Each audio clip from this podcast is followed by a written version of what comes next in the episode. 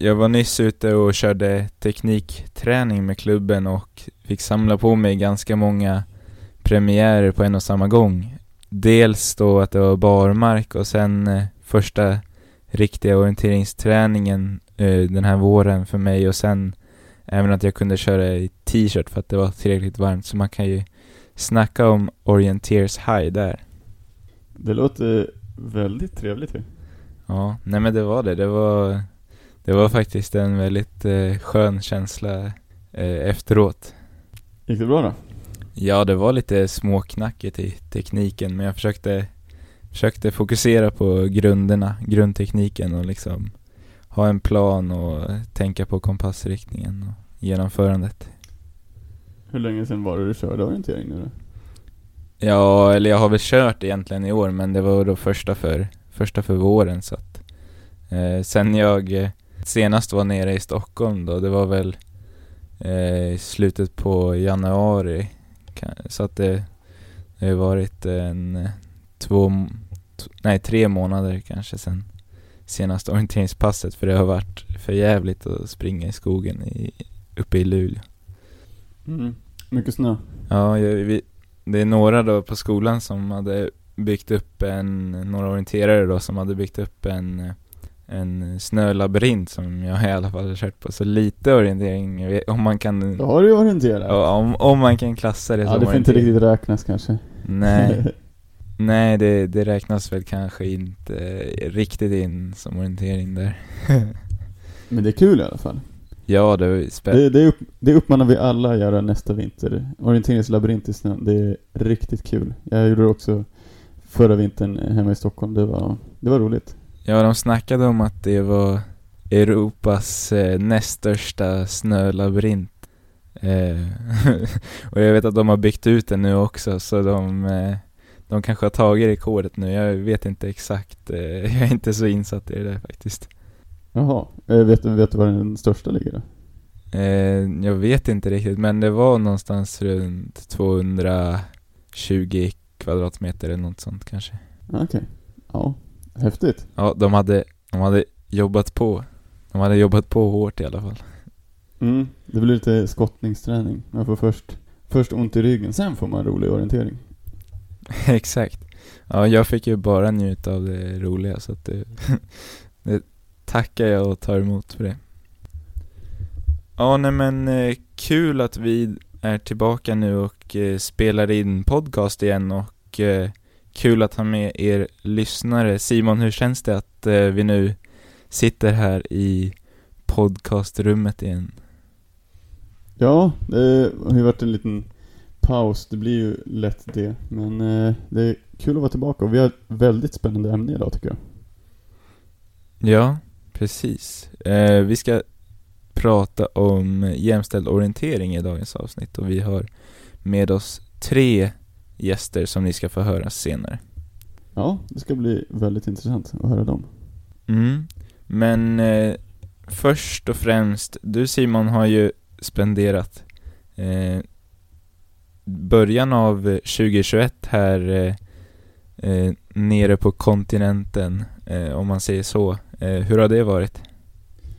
Ja, det har varit eh, väldigt speciellt. Det tog ju två och en halv månad innan jag kom på svensk mark igen, så det är ju det har varit eh, lite ovanligt. Men jag har alltid tänkt att det skulle vara skulle vara väldigt kul att eh, spendera en vinter utomlands. Eh, Sen så när jag åkte så visste jag inte att det skulle bli så, så länge utan eh, det var mer en tillfällighet med tanke på hur det blev med, med Corona och sådär. Eh, men jag har haft det väldigt bra eh, hos min flickvän nere i Schweiz. Så vi har spenderat mycket tid i Alperna och en del olika roliga orienteringsträningar runt i Schweiz. Så det har varit häftigt. Mm, ja, häftiga vyer. Ja, Nej, det, det är ju som att vara ett vykort hela tiden när man är nere i Alperna. Det är, det är mäktigt alltså. Eh, man, ett tag börjar man nästan sluta, sluta tänka på hur häftigt det egentligen är. Mm. Med, med de höga bergen och sådär. Och så kommer man hem till, eh, till Sverige. Kanske känns lite tråkigt i början, eller? Just nu är det mest roligt att vara hemma liksom. Eh, och lite skönt, skönt att vara hemma igen. Eh, och framförallt tycker jag det ska bli väldigt kul att faktiskt få en säsong. Det, bör, det blir ju lite grann av en säsong för, för elitlöparna i alla fall och det, det är väldigt kul, tycker jag. Eh, sen så tycker jag synd om, om alla som inte kommer få en säsong. Eh, och det känns som att reglementet här, det är liksom inte riktigt, ja, det har funnits tid att göra det anpassat eh, sen pandemin startade men det är liksom fortfarande inte anpassat så det tycker jag är märkligt. Men jag gläds över att jag kommer få en säsong i alla fall.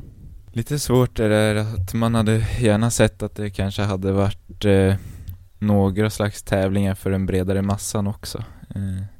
Ja men som de tävlingarna som faktiskt arrangerades i höstas så var det väldigt många som arrangerades på ett smittsäkert sätt. Eh, som när vi var på um, DM i Stockholm här till exempel, eller vi hade några andra mindre tävlingar. Det tycker jag liksom funkade väldigt bra. Man, men eh, ja, eh, reglerna är som de är och framförallt så måste vi se till att eh, eh, inte bidra till smittspridning. Så på något sätt är det ju ändå, ändå rimligt att vissa regler är som de är.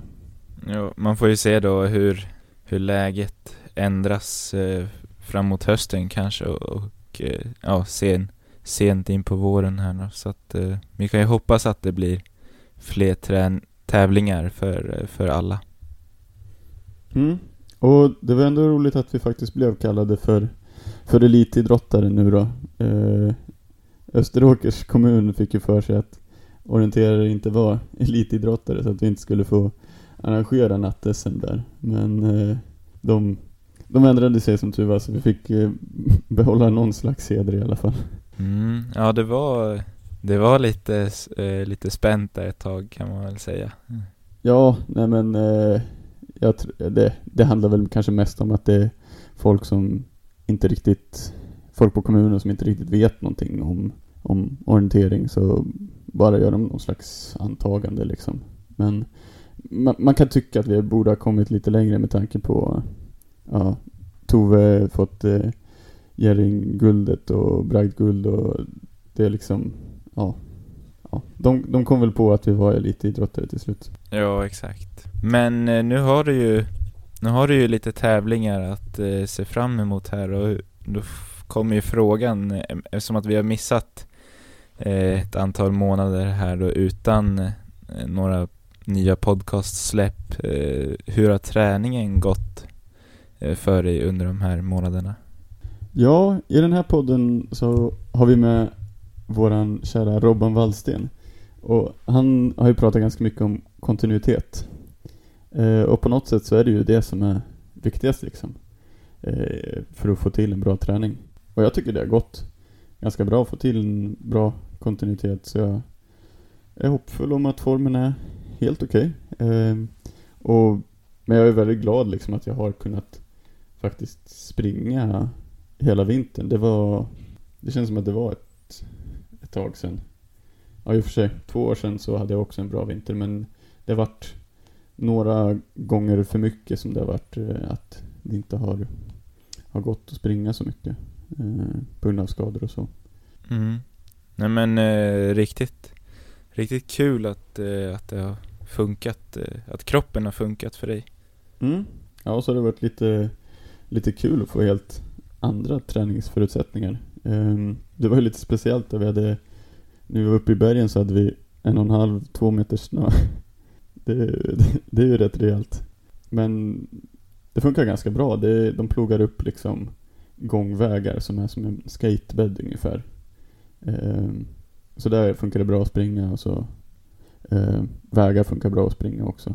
Och sen så mot slutet i februari så blev det skare också överallt. Så då på förmiddagen, eller på morgonen i alla fall, så kunde man ju liksom springa överallt och det var rätt häftigt faktiskt. Liksom springa ovanpå en och en halv meter snö, det var en speciell känsla. Mm, ja men det är skönt. Vi hade ju också en period i Luleå där, eh, där man hade plogat eh, gångbanorna så att det var som en, ja det gick alltså att åka skidor på dem så att eh, det var, det var en rätt rolig period. Så man kunde ta skidorna och skata på gångbanorna bort till eh, Ormberget som är närmsta skidstadion. Mhm. Det, det är roligt. Ja, det var, eh, det var rätt eh, lättillgängligt till träning då och sen att det var så kallt i marken så att det liksom gick väldigt bra att springa också så att eh, Men eh, förutsättningarna har verkligen uppe i Luleå har de varit väldigt eh, Väldigt olika under under vinterns gång så att det har varit isigt emellanåt och sen har det varit så fint att man liksom kan göra, göra allt möjligt eh, samtidigt. Mm. Ja, hur har, hur har träningen gått för dig? Du har ju varit mest uppe i Luleå eh, under början av året. Ja, den har gått lite upp och ner faktiskt. Jag har inte haft samma kontinuitet som du pratar om. Jag har väl haft någon slags kontinuitet i att eh, träna på ganska dåligt. eh, Aha.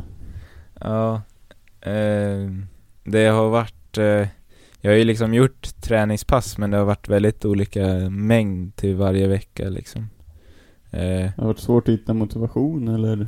mm, nej men jag tror att, eh, jag tror att motivationen har gått lite i hand med, eh, med förutsättningarna som har varit eh, med väderomställningar och sånt där. Och sen har jag väl, ja det blir eh, perioder där man eh, blir lite tyngd av plugg och sådär. Och sen eh, ja, så fick jag en eh, liten eh, tänkare där eh, där jag kom på mig själv att jag liksom under vinterns gång hade hade liksom eh, haft lite dålig dålig monolog med mig själv under hela vinterträningen liksom att de veckorna som inte var eh, sådär bra som vissa andra veckor så var jag liksom eh, lite mer piska än morot liksom att man eh, skyll, att man ja men att man var lite sträng mot sig själv då istället för att pusha och försöka ge motivation liksom genom att stödja sig själv liksom med uppmuntringar istället för att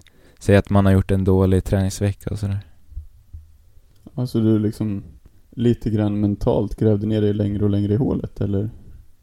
Ja, det kan man väl kanske säga då att, eh, att eh, ja, nej men eh, liksom att eh, och har man haft eh, lite tu- tuffare att hitta den här motivationen så kanske det blir ännu viktigare hur man hur man eh, samtalar med sig själv liksom i, i ja, det är väl det, det viktigaste det viktigaste eh, som man har liksom att man eh, faktiskt eh, uppmuntrar sig själv till att göra någonting och liksom så att man finner motivation i att, eh, ja, man, man ska ju liksom stötta sig själv om, om det är någonting man vill eh, åstadkomma så att eh, det kan man väl säga att jag eh, har ju liksom inte gjort det.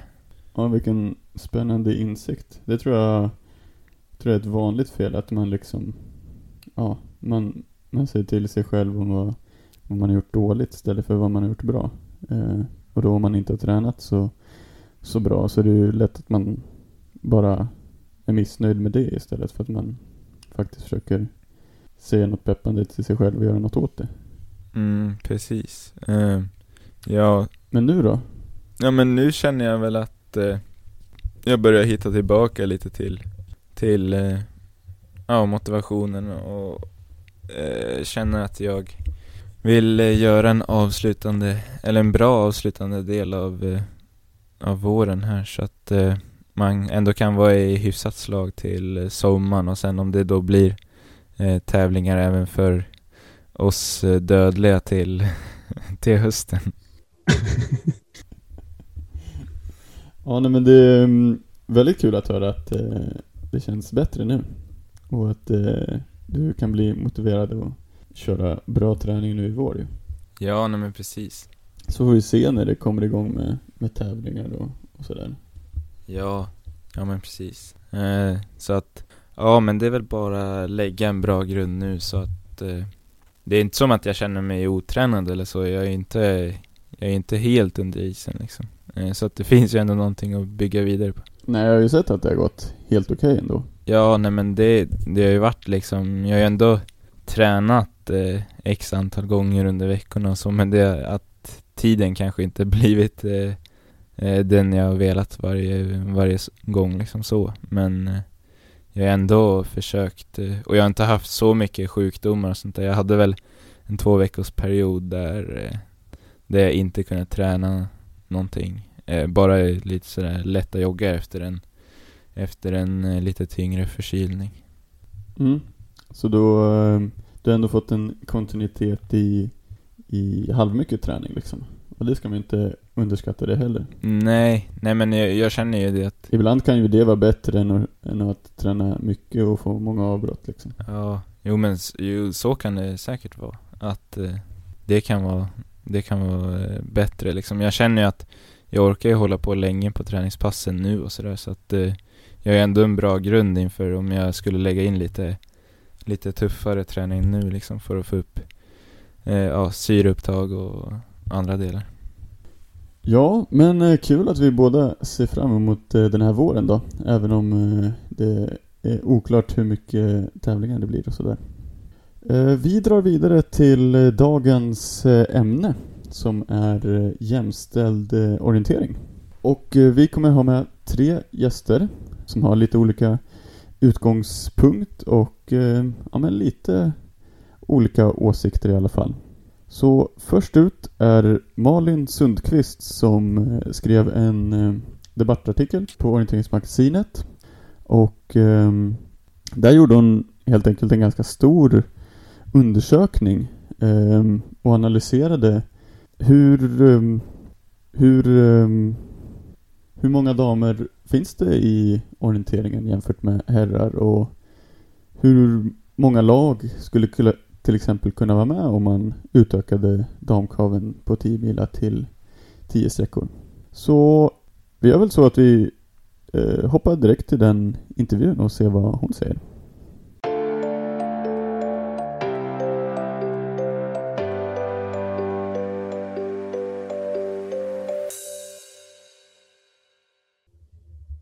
Yes, då har vi med oss Malin Sundqvist som har skrivit en eh, intressant debattartikel på orienteringsmagasinet.se och gjort en väldigt eh, intressant sammanställning och en lång undersökning. Eh, kul att du vill vara med. Tack så mycket. Vi kanske ska börja med att fråga, vem är Malin Sundqvist? Jag vill börja och säga med att jag i den här intervjun bara representera mig själv, inte min klubb och ingen organisation. Så det jag har gjort är att sammanställa lite data och skriva en debattartikel. Och sen har jag debatterat lite fritt i olika forum också. Och jag tycker att det är viktigt att flera olika perspektiv lyfts fram när det är stora frågor det handlar om och att man inte fattar fastade beslut utan utreder saker ordentligt. Eh, och jag känner väl lite så här att vad just jag som enskild individ tycker om olika saker är väl kanske inte så intressant, men det är klart att jag blev smickrad när jag får vara med i en podd och prata. Så vem är då jag? Jag är 32 år gammal och bor i Örebro tillsammans med Filip Dahlgren. Han har ju presterat lite bättre eh, i orienteringsvärlden än vad jag hittills har gjort, kan man ju säga. Ehm, jag älskar att träna. Det där får ni klippa bort, för det där är en lögn. Nu ljög jag. jag älskar absolut inte att träna. Jag hatar att träna, men jag älskar att tävla. Eh, jag hatade mm. också att plugga när jag pluggade, men jag älskade att skriva prov. Mm. Ja, det är kanske inte så vanligt, men sån är jag. Jag är orienterare sedan före födseln. Mamma vann 10 mila i maj, gick det väl då. Jag är född i september. Så jag har faktiskt vunnit damkaven i 10 mila. Ja, orienteringsmeritsmässigt så har jag väl inte gjort några större avtryck. Jag har väl ett brons från natt-DM med D14 tror jag. jag. Vann sista etappen på Eskilstuna Weekend i D12 lätt. Ja, jag har åkt en Ski skimaraton en gång. Innan hade jag kanske skatat en mil, ackat totalt i hela mitt liv. Så att jag tycker om utmaningar. Jag har simmat tjej Vansbro i bikini, för jag tyckte det kändes lite mäckigt att hålla på att hyra en våtdräkt för att simma en kilometer. Ehm, ja, jag har pluggat på Handels i Stockholm. Jag har en master därifrån i marknadsföring. Jag gick natur och räddningstjänst på gymnasiet och hade högsta betyg i alla ämnen. Jag tänkte att jag skulle gifta mig rikt och aldrig behöva jobba. Det var det många som... Är med en orienterare? Ja, vi är inte gifta tyvärr än. Men det är jävligt provocerande att säga så när man har högsta betyg. Men jag kom väl sen fram till att det är ganska kul att jobba, så att jag la ner de planerna. Ja, jag tycker om att spela TP och läsa böcker och studera människor och deras beteende. Mm. Jag har vunnit många fester. ja, spännande. Eh, men eh, varför valde du att, eh, att skriva debattartikel och föra fram och, och göra den här undersökningen? Jo, men jag tycker att motionen som eh, har tagits fram är väldigt bra. Jag tycker att det principiellt är viktigt att man fastslår att det ska vara ett likvärdigt tävlingsupplägg mellan kvinnor och män. Så att jag skrev, så fort jag såg den här namninsamlingen som har startats av gruppen Jämställd orientering, så skrev jag på den. Eh, och jag tycker också att det är väldigt viktigt att affischnamn som Lina Strand tar sig tid att engagera sig i jämställdhetsfrågor. Speciellt på det sättet som hon har gjort. Det tycker jag har varit väldigt bra. Ja, nej men jag upplevde när jag ställde frågor och grävde lite att det verkade finnas väldigt lite sammanställd data över hur tävlandet faktiskt ser ut. Så då började jag rota lite. Jag tycker om att ta reda på saker. Och när man kör brödbil så börjar man jobba typ klockan sex. Och när brödet är utkört då har man hela eftermiddagen på sig att gräva i olika saker. Så då började du gräva i eh, hur, hur, det ser ut med deltagandet på, på 10 mila och eh, olika, olika tävlingar. Vad det finns för underlag för att utöka antalet sträckor helt enkelt? Det skulle jag inte säga. Jag ville mest se hur det ser ut mellan kvinnor och män och hur det ser ut i klubbarna. 10 mila var jag egentligen inte så intresserad av först, utan det tillkom sen. Så att mm. jag tänkte att på Eventor så finns det ju en del data. Det verkar vara svårt att få fram hur många som tävlar aktivt, i alla fall med den kunskap jag har om statistik som finns. Så då använde jag Sverigelistan. Eh, jag, jag gjorde det här egentligen bara för mitt höga nöjes skull. Så att eh, det går ju säkert att avgränsa på ett betydligt bättre sätt. Och det står ju den som vill fritt att göra det. Jag ser min lilla undersökning bara som en början till att gräva vidare. Mm.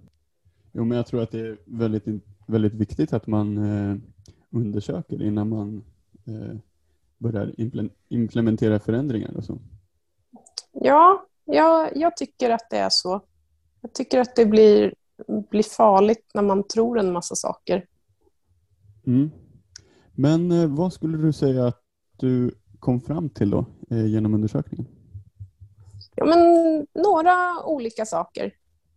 Eh, främst så fick jag ju med mig fler frågor än svar, men Eh, jag har skrivit ner några saker här. Damernas andel av deltagarantalet på SM är 40 procent, 10 mila 34 och Sverigelistan 40. Det tyckte jag var intressant när det verkar som att könsfördelningen av medlemmar är relativt jämn. Det är också väldigt få damer av medlemmarna som tävlar, bara 15 procent. Det är ganska få män som tävlar också, men ändå fler. Och det tycker jag är spännande att det är så. Och Det behöver man ju självklart gräva vidare i. Varför finns det medlemmar som inte tävlar? Tävlar är ju roligast som finns. Det kan jag hålla med om. Ja, ja men precis. Ehm, sen kan man ju säkert vilja vara medlem av en annan anledning. Ehm, men det, jag tycker att det vore intressant att veta varför. Speciellt varför det ser olika ut mellan könen. Ehm, men det kan jag tyvärr inte svara på varför det gör. Nej, det, det är en svår fråga. Det känns som att det kanske finns mer än ett svar också. Jag tror det. Jag tänker att kvinnor de kanske inte vill tävla om de känner att de inte kan vinna. Det kanske är fler män som känner att de kan göra det ändå. De kvinnor kanske är tvingade att ta hand om markservicen. Mediebevakningen kanske är sämre. Vem vet, de kanske var tvingade av sina föräldrar att springa när de var barn. Det är ingen aning. Det kan ju vara nästan vad som helst och jag är absolut inte rätt person att svara på det. Ja. Inte, ja. Ehm, ja, och sen när jag hade kopierat över all data så sorterade jag alla damer efter klubb för att se eh, då för 10 mila för att se hur många fem respektive 10 personers lag det maximalt går att få av de 3800 knappt damer som eh, finns med lägre poäng än max på Sverigelistan i åldern D18 till D55. Och då blev det så att 206 klubbar kan få ihop 614 rena klubblag om det är fem sträckor. Men 2018 var 196 anmälda lag. Det är 32 procent. Är inte det häpnadsväckande? Vad tycker ja, ni? Det känns ju som att eh, det, man jobbar ju mycket för att liksom få med allihopa på, på de här stafetterna men, eh, men ändå så är det så pass stort glapp. Det är, det är intressant som du säger. Ja, jag tycker det. Jag kan, jag kan inte svara på hur man jobbar i andra klubbar än, än den klubben jag har varit med i. Och där känner ju jag mig som yttersta motionslöpare väldigt inkluderad i att springa 10 mila. Mm. Men om det är så överallt, det vet inte jag. Eh, sen gjorde jag samma sak på 10 sträckor. Då blir det 128 klubbar som har möjlighet att få ihop 241 rena damlag. Och då behöver vi bland annat sex, eller fyra stycken klubbar ställa upp med sex damlag. Ja. Och, ja, jag räknar med att 40 procent av antalet möjliga lag skulle komma till start. Kom fram till 96. Eh, intressant kan jag tycka är att Tommy Jusenius, som är erfaren tävlingsledare och banläggare, i sin debattartikel skriver att han skulle bli förvånad om det blev fler än 100. Mm. Så att vi har kommit fram till nästan samma, nästan samma siffra. Eh, men ja, några av de frågorna jag har, det är varför stora klubbar anmäler en så väldigt liten andel av sina löpare till 10 mila. Är det deras uttalade mål att många ska springa, då har de ju en jättestor förbättringspotential. Ja, sen har jag fått höra att det kanske var färre kvinnor som sprang förut än vad det är nu. För att samhället var mer ojämställt då än nu. Så då kollade jag hur det såg ut på 80-talet. Då var det fler kvinnor som sprang damkavel än vad det är nu. Det var fler lag anmälda. Det var också fler herrlag. Men mm. det tyckte jag var intressant att se. Och också tråkigt att det är färre nu. Kan det ha blivit att 10 mila som eh, kavel har blivit mer elitinriktad som du pratade om tidigare också? Då? Att eh, klubbarna fokuserar på sina topplag? Ja, det kan vara så. Det kan kanske också vara så att det fanns fler medlemmar generellt på 80-talet. Det vet jag inte, så att det liksom har sjunkit proportionellt. Eh, jag vet inte. Eh, sen kollar jag om förlängd banlängd på SM för damer, så att det är samma segrartid. Om det har påverkat antalet starter. Det är lite svårt att se, för det är inte så många som springer. Så det enda jag kan säga är att man kan i alla fall se att det inte har blivit fler damer som springer efter att segertiden segrartiden förlängdes. Så det var väl kortfattat vad jag har kommit fram till. Tror, tror du också att det också då, för det som de säger, eh, vissa av de som är förespråkare för att ehm, eh, ha fler sträckor eh, och eh, tuffare sträckor, de tror att det blir en större morot att vara med. Men du tänker att det med det med SM då kanske visar att det, det blir inte fler i alla fall. Det kanske är ungefär lika många. Nej, det skulle jag inte vilja säga att jag tror. Jag kollade på de Jag tycker det är jätteviktigt att man inte drar förhastade slutsatser. Så mm. SM-löparna och de som springer 10 mila, det kan till viss del vara överlappande, att SM-löparna också springer 10 mila. Men de som mm. inte springer SM kan ändå vilja springa 10 mila. Så att jag, nej, Eh, det behöver inte betyda att det skulle bli färre löpare. Eh, och Det är här jag tycker att det är så viktigt att eh, man undersöker, Fråga kanske klubbarna eller löparna som springer hur de ställer sig till det här. Så jag, jag vill inte tro så mycket faktiskt. Ja, men en, en väldigt lätt undersökning till det här är ju att, eh, ja, som du nämner, då, att eh, skicka ut en förfrågan till klubbarna om eh, ja, hur intresset är liksom, för att få en blick av, för, ja, få en överblick av vad, vad som skulle kunna vara möjligt. Absolut. Absolut, visst är det så. Det kan ju vara så teoretiskt att bara för att det är 32 procent av de potentiella löparna eh, som anmäls nu det kan ju vara så att de inte vill springa för att det är färre sträckor för damer och att det skulle bli många, mycket större andel anmälda om det blev fler sträckor. Mm. Mm, det kan ju bli inspirerande att man har större chans att komma med ett första lag eller vad som helst. Liksom. Ja, jag, jag vet faktiskt inte. Utan det känner jag att det måste någon annan ta hand om och undersöka innan man kan svara på det. Mm. Ja, men väldigt intressant att eh, höra dina siffror. Um, om, om vi går över lite på vad du, um, dina vad ska man säga, åsikter kring, kring ämnet. Tror du själv att det skulle vara en bra idé att eh, få göra fler antal sträckor eller eh, springa på natten till exempel? Ja, alltså först vill jag ju säga att jag tycker att det är en stor ära att ni frågar just mig och, om vad jag tycker om det här och tror att era lyssnare också är intresserade av att höra det. Eh, och jag är inte utbildad Absolut. inom jämställdhet. Jag är en motionär som inte tränar. Man kan argumentera för att jag är omdömeslös. Jag kan sammanställa data från Evento lika bra som någon annan. Men det här är ju mina 15 minutes of fame, så jag ska svara ärligt. Jag tror... Eh, vad var frågan? Nu blev jag så himla uppeldad. Nej, men om eh, vad du själv tycker. Eh, borde det vara fler eh, antal sträckor eller eh, borde det vara nattsträckor på 10 mila för eh, damkaveln? Jag tycker att man först om man ska titta på just 10 mila för Soft har ju tillsatt en arbetsgrupp som har gjort en utredning och kommit fram till det här. Och där, den säger att antalet sträckor i en stafett, det måste inte vara lika många för kvinnor och män för att tävlingsupplägget ska räknas som likvärdigt. Däremot så mm. terrängtyp, gafflingsalternativ och natt måste vara lika. Eh, så att, ja, jag skulle väl kanske vilja, vilja nöja mig med det.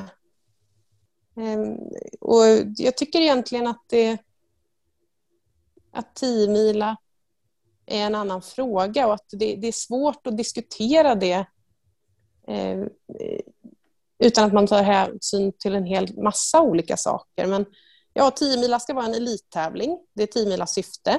Syftet är också att man samtidigt ska ge möjlighet för så många lag som möjligt att delta under rimliga förhållanden för bredden.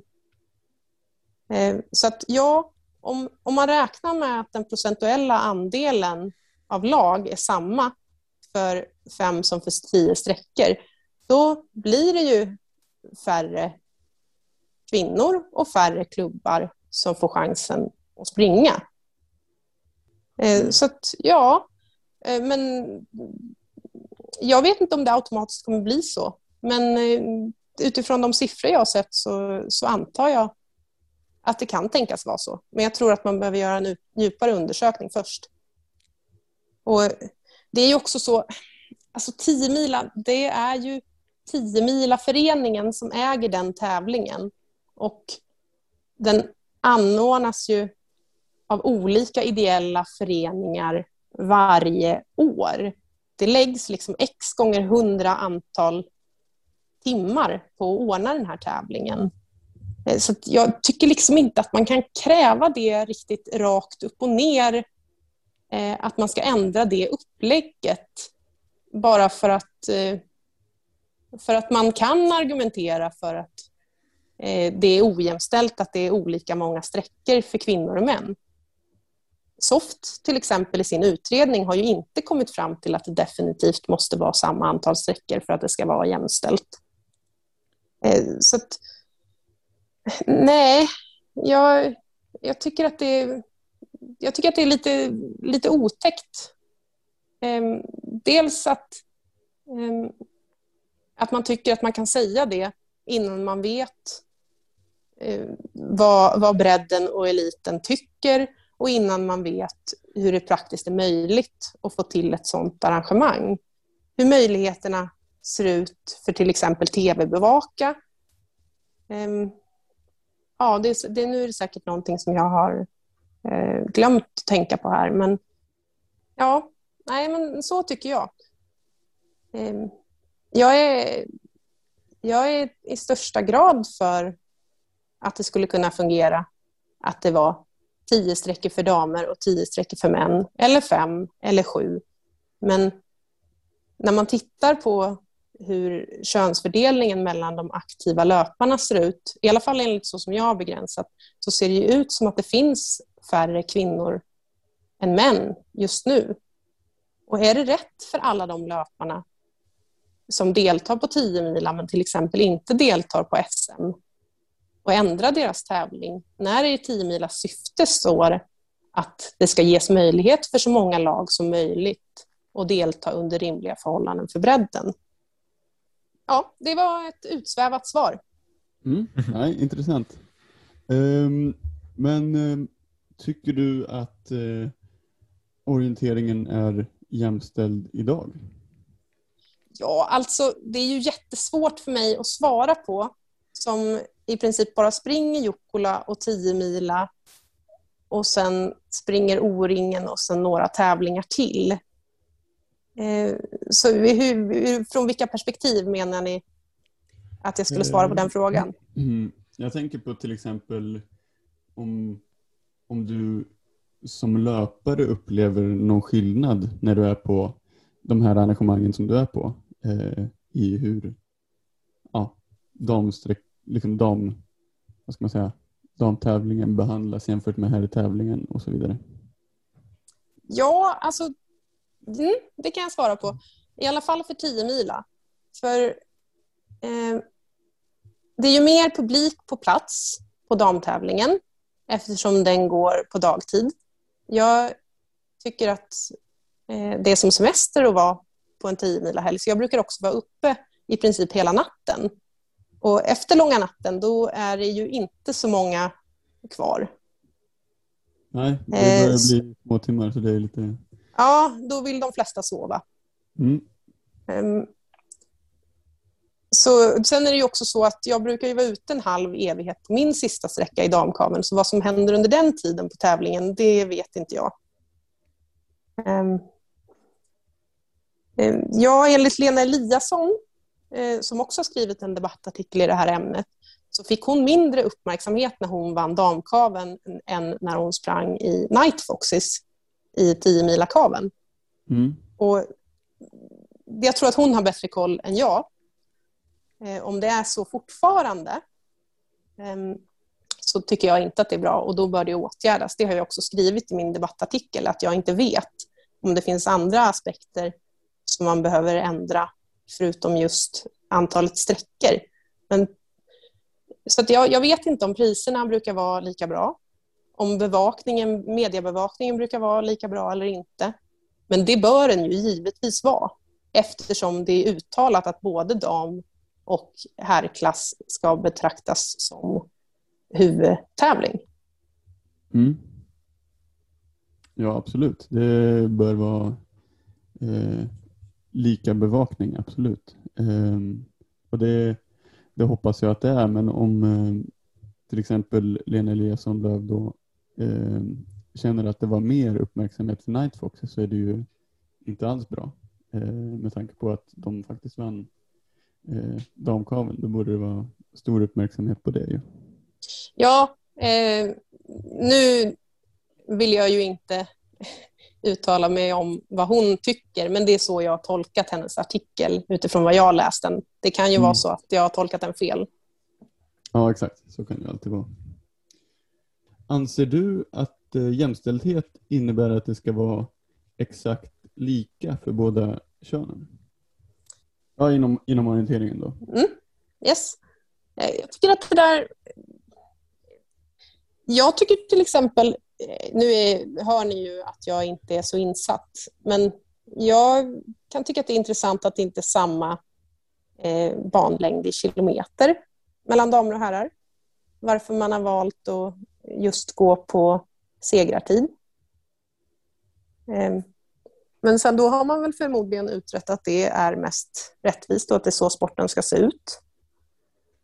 Ja, jag kan väl hålla med eh, motionen om att om, om det finns särarter i terrängen i den ena, i, i den ena klassen för ena könet så bör det finnas det i den andra. Det kan ju vara svårt rent praktiskt i och med, i och med att damerna ju har eh, kortare banor i kilometer eftersom de ska vara ute lika lång tid och springer långsammare. Så det kan ju bli svårt att utvärdera, men jag man bör ges en, eh, en eh, liknande utmaning, kanske bara något kortare då? Ja, det vet jag inte om jag tycker, men så, de som bestämmer tycker ju det. Däremot, det kanske ni kan svara på. Eh, som dam, kan man alltid anmäla sig i herrklass då? Ja, det kan man alltid göra. Kanske inte på VM, va? Eh, nej, då är det ju uttagning och så. Eh, mm. Men ja, när det inte är uttagning så eh, kan man göra det. Ja, ja men det, det tycker jag är bra. Att man kan, om man nu ja, kanske tycker att det borde vara samma kilometerlängd. Att, att den möjligheten finns. Eh, och Jag tycker också att det är bra om man eh, som dam tycker att Ja, säger att det är viktigt med tio sträckor och eh, att det bör vara lika långt för kvinnor och män. Att man till exempel kan springa i herrkaven på 10 mila eller springa herrkaven på SM. Ja, intressant. Det har ju också kommit upp förslag om eh, mixstafett som, eh, som Attunda eh, tog fram. Eh, vad, vad tyckte du om det? Ja, nej men det tyckte jag var lite märkligt. För om jag har förstått det rätt så har Attunda ansökt om att arrangera 10 mila 2024 enligt 10 mila föreningens riktlinjer för tävlingen. Och sen så skriver de en debattartikel att de kan tänka sig ordna en mixstafett, det vill säga ordna en tävling som inte följer de riktlinjer som 10 föreningen har för sin tävling. Och jag tänker lite, är det inte upp till 10 föreningen som äger varumärket och bestämma vilken tävling som ordnas under varumärket 10 mila? Ja, det är en eh, helt rimlig tanke, tycker jag. Ja. Du var så. Ja, för jag tänker, hade det här varit ett seriöst förslag så är väl Attunda representerade i 10 föreningens styrelse och då hade de väl kanske kunnat diskutera förslaget där istället för att skriva en debattartikel. Jag undrar så varför de har gjort så här. Det kanske är för att helt enkelt få igång en, en diskussion om, om det. Ja, men, men är det... Jag funderar på om det är ett rimligt debattklimat, för jag tänker framöver då, vi säger att ja, men lite olika arrangörsföreningar ansöker om att de vill anordna 10 mila. Och år ett, då vill arrangörsföreningen ordna fem sträckor för damer och tio sträckor för herrar. År två, då vill de att det ska vara 10 mil för både damer och herrar i två olika stafetter. År tre, då kan det vara mixstafett. Och år fyra, då ska det vara 10 sträckor för båda könen och samma banlängd.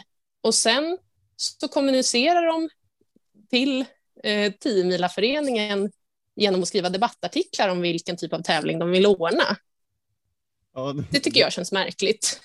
Det håller jag med om. Det låter rätt märkligt nu när du säger det. Ja, men jag vet inte, 10 föreningen kanske tycker att det är en jättebra idé. Man får ansöka om att arrangera 10 mila och sen kommunicera med sin tävlingsidé via debattartiklar till 10 föreningen. Ja, nej, men det måste ju vara så att man ansöker om, eh, om att arrangera 10 mila som det är. Alltså med det upplägget som 10 mila har. Ja, för jag tänker, precis, jag håller helt med. För jag tänker att 10 mila föreningen de bestämmer hur deras tävling ser ut, givet direktiv från SOFT och olika lagar. Och så tänker de säkert att de vill ha maximalt, de vill göra tävlingen maximalt attraktiv. Och sen är det upp till föreningar då får de besluta om de vill arrangera givet 10 föreningens direktiv. Och sen löpare och klubbar, de får bestämma om de vill delta givet hur tävlingen ser ut och så låter man bara marknadskrafterna styra. Är det ingen som vill springa, då kommer ju ingen klubb vilja arrangera och inga löpare och klubbar kommer anmäla sig till tävlingen. Är många nöjda, då kommer många vilja arrangera och många klubbar kommer vilja springa. Och sen så står ju alla klubbar, tänker jag, helt fritt att starta egna stafetter med valfritt upplägg så länge de följer de givna tävlingsreglerna. Så Attundas förslag på stafett, det är väl en jättetrevlig tävling. Och om Tiomilaföreningen, om nu Attunda och Tiomilaföreningen pratar med varandra eller om de bara kommunicerar i debattartiklar, det vet inte jag. Men om nu Tiomilaföreningen inte tycker att det här är ett bra förslag under varumärket Tiomila, då kan ju Attunda ordna den här tävlingen bara. Och sen kanske det finns andra klubbar som vill ordna andra stafetter och då kan de ansöka till SOFT och, om att få ordna dem. Ja, men det känns som helt eh, ja, det känns som rimliga tankar. Eh, ja, intressant. Men vad tycker du om själva idén ja. om att eh, det skulle vara eh, mixstafett på 10 mila? Ja, jag tänker ju att eh, det är ju en idé lika mycket som, som de andra idéerna som jag har tagit fram här, att det till exempel skulle kunna vara 10 mil för både damer och herrar i två stafetter, eller att damerna, det beslutas att det som heter damkavlen nu, det tas bort för 10 mila, det är 10 mil och 10 sträckor. Så att ingen av de här idéerna är väl egentligen dåliga, men det skulle förändra upplägget så som det ser ut nu. Mm. Och det tycker jag är upp till 10 som äger varumärket att besluta om de här idéerna kan anordnas under namnet 10 mil eller inte. Men, men mixstafett med fem damer och fem herrar som är 10 mil, det är väl en jättekul stafett. Kör på Attunda, ordna det. Men kanske det blir svårt att ha det under namnet 10 mil? Jag vet inte. 10 styrelse kanske tycker att det är en bra idé. Men jag tycker att det är märkligt att man kommunicerar sina förslag via debattartiklar. Jag tycker att det måste vara bättre att man diskuterar det inom 10 styrelse, där, som jag förstår att Attunda finns representerade. Var det något mer du tänkte på som du skulle vilja mm. utveckla? Självklart. Mm. Eh, jag tycker så här, framför allt. Eh, på sociala medier så är det många som kan trycka på att det är viktigt att det sker olika typer av förändringar. Till exempel, det kan vara sådana som knappt tävlar i orientering eller är män och inte springer i damkaven idag eller kvinnor som inte springer i damkaven. Eh, och det är ju jättefint att man får tycka saker på sociala medier. Det gör jag också, skriver debattartiklar, eh, debatterar, eh, sammanställer data. Men då känner jag lite så här att visst, i en drömvärld vill alla tjejer springa långt och natt. Men vi vet ju inte om de vill det i verkligheten än. Och om jag känner att jag har gjort det mitt efter att jag har varit med i den här podden så tycker jag ju att det vore lite världsfrånvänt. Det är ju verkligheten som arbetet görs. Om jag till exempel tycker att det är bra att Smålandskaven har infört nattsträckor för damer, då är det väl mitt ansvar att pallra mig ner dit och springa den. Så att klubben får intäkter, tävlingen överlever och de kan fortsätta.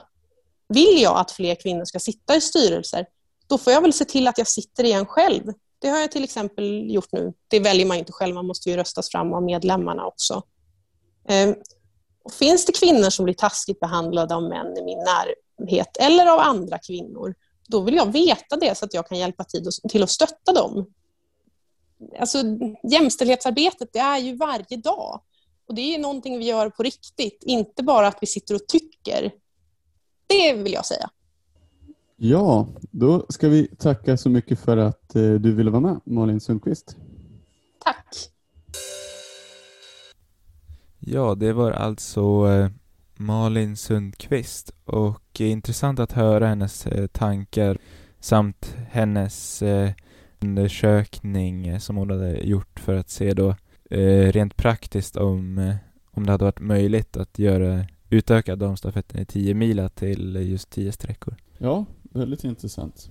Vi hoppar direkt vidare till eh, nästa intervju och eh, nu har vi faktiskt med oss två stycken.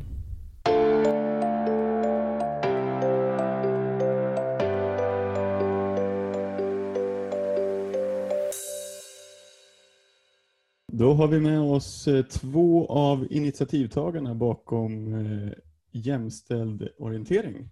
Vi har med oss Lina Strand och Maria Magnusson. Välkomna! Tack så mycket!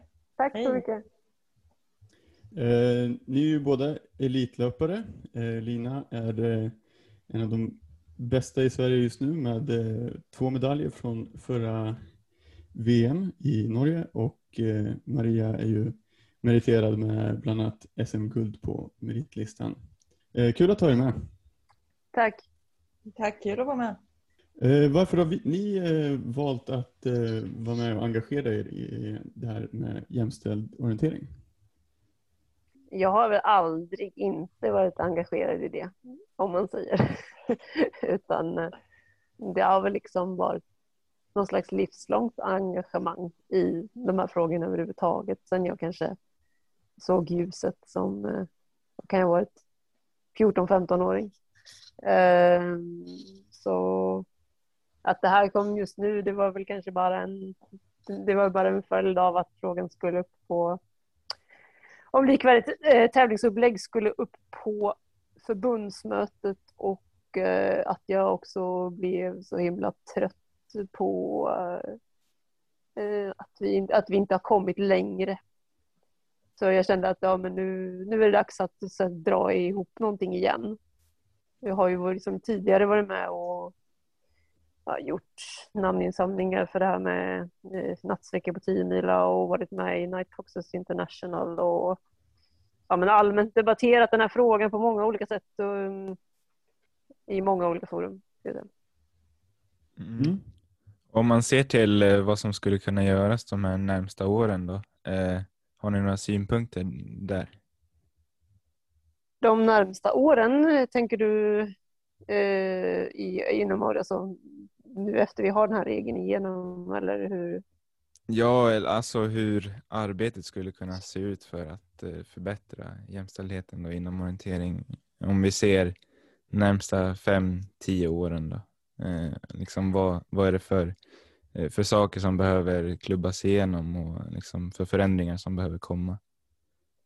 Jag tror att det som har hänt nu är att vi på helt plötsligt så har vi en eh, spelplan som är samma för alla. Eh, I och med att det här beslutet eh, röstades igenom så liksom ska vi spela med 11 personer på 90 minuter på samma fotbollsplan. Liksom. Och det kommer ju innebära en massa utmaningar men också en massa möjligheter.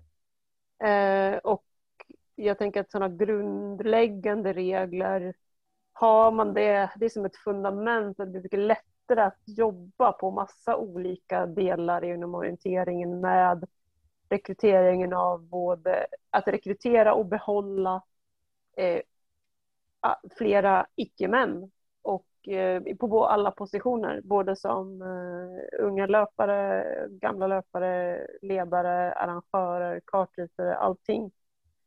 Har vi liksom har vi en ojämn maktbalans inskriven i våra, eller inte inskriven i våra regler så kommer vi fungera precis som samhället i stort. Att det, man kan inte tro att man kan lägga det ansvaret på människor när vi är uppe uppväxta i ett så här djupt liksom, patriarkalt samhälle med massa olika makthierarkier. Det är som att ja, tro att, eh, som, att, det bara ska, att det bara ska lösa sig om man säger att nej, men, vi låter folk eh, dela upp eh, föräldraförsäkringen bäst de vill för att eh, folk vet ju själva att de vill ha jämställt och så blir det ändå inte så. Det beror ju på en massa saker men om vi åtminstone har, liksom, grunden är lika för alla så blir det mycket lättare att jobba därifrån och det tänker jag att det är det som händer nu att nu har vi möjligheter att göra om och göra rätt och det kommer ta tid, det kommer göra ont men det kommer bli bra i slutändan för nästa generation. Ja, och jag tänker där att det är just liksom vad, vad det långsiktiga biten av detta handlar om. Det handlar ju om att inkludera fler, för det är på så många då positionen som Maria har nämnde här innan att kvinnor är underrepresenterade och om vi vill växa inom orientering eller eh, ja, men, hålla eh, nivån som vi har haft så behöver vi ju kunna fortsätta rekrytera och kan vi rekrytera lika mycket inom båda eh, eller inom alla kön så har vi ju mycket bättre förutsättningar.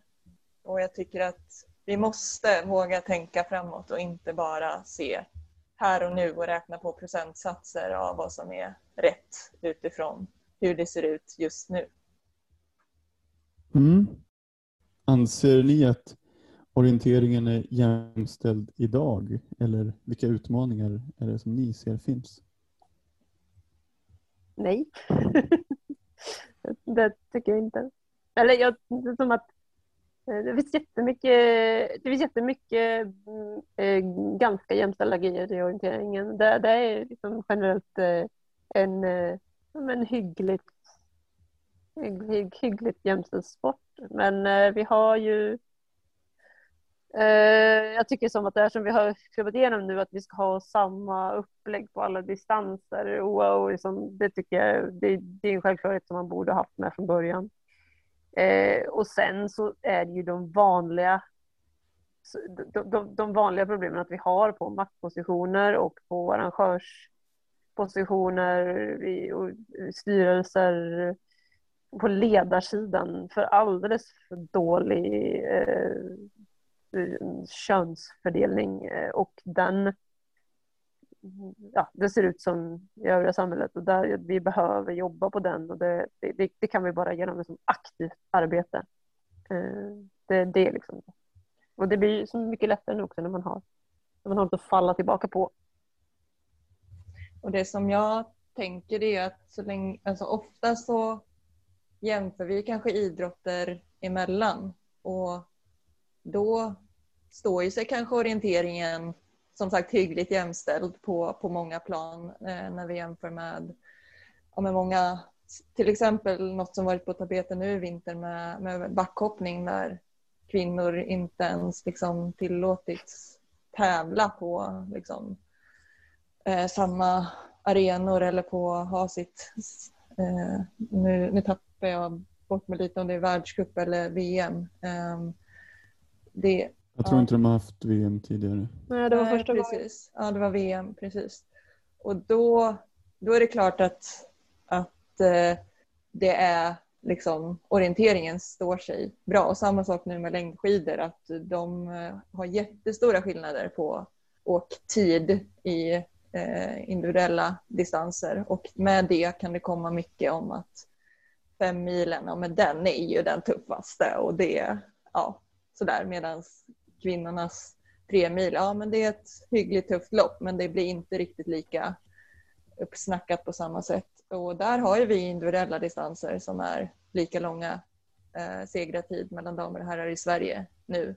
Men klubblagsstafetterna eh, är ju en del av tävlingsarenan.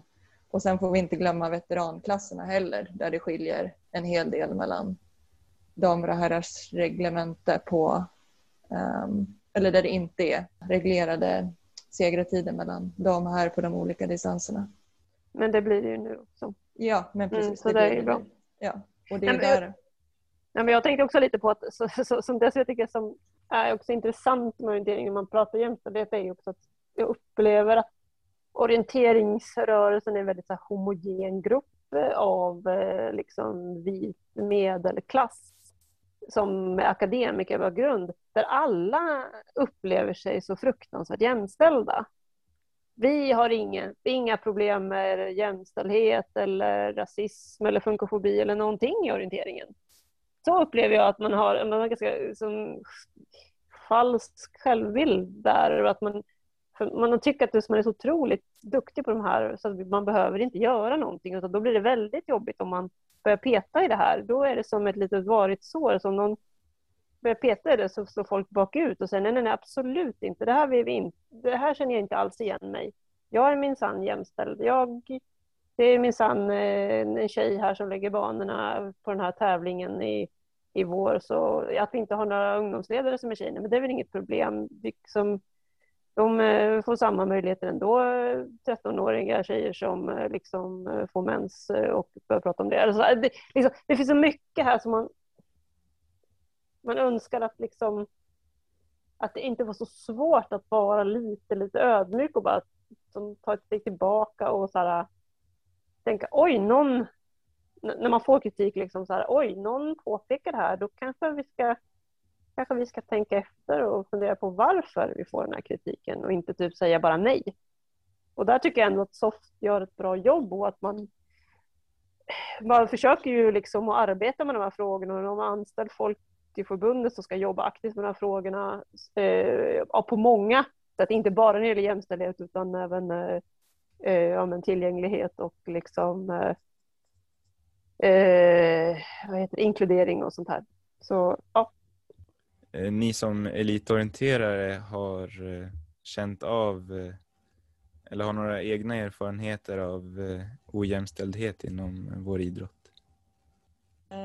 Ja, men alltså, dels är det ju klubblagstafetterna som vi har debatterat eh, eh, redan och som, som jag anser är liksom en stor del i frågan som gärna, ja, men som helt enkelt har sätter ramar i många elit, bredd-elit klubbar, kanske framförallt som satsar mot 10 mila. Att vi har haft en efterfrågan på färre tjejer varje gång när det vankas eh, 10 mila eh, och alla då stafetter fram dit. Och det är lätt att man ja, men jag tror att många, många av oss romantiserar ju verkligen bilden av 10 mila och ja, men det, det betyder ju uppenbarligen mycket för det är många som gillar att debattera detta. Och något som jag då personligen, när jag tänker tillbaka på alla mina år i, i min klubb så har jag ju alltid liksom känt att den liksom gemenskapen som bildas mellan tio drygt killar i klubben som satsar mot ett lag jämfört med fem tjejer. Det blir liksom mängden påverkar väldigt mycket. Um, drivet i klubben, drivet att träna, uh, resurser som läggs ner när man åker på förberedande läger och ja, men, också möjligheten på något sätt med nattorientering under hela vintern, våra mörka månader. Givetvis ska jag träna nattorientering för att utveckla mig tekniskt. Men man ser ju hos killar att den stora drivkraften till att träna natt är ju att simulera eh, nattsträckor på, på stafetterna. Och alla de här ja, men positiva effekterna upplever inte jag på samma sätt att ha speglats i tjejgrupper genom alla mina år. Det framförallt beror på, på mängden löpare då? Ja, jag tycker faktiskt att det är så. Um, och sen, jag hoppas att, jag har alltid hoppats att det inte heller ska påverkas av att manliga ledare är mer intresserade av manlig orientering för att man själv kanske är en del av laget eller att man själv kan relatera mer till den stafetten. Jag är naiv och tänker att det inte spelar någon roll. Eh, men jag är ändå inte helt säker på att det är så för att det är ofta om manliga klubbledare samlas för att styra upp en säsongs, ny säsongsplan, om vi säger hur det var 2020 när allting ställdes in, ehm, så pratar man mycket om vilka herrklubbar vi har som vi behöver sätta i tävling.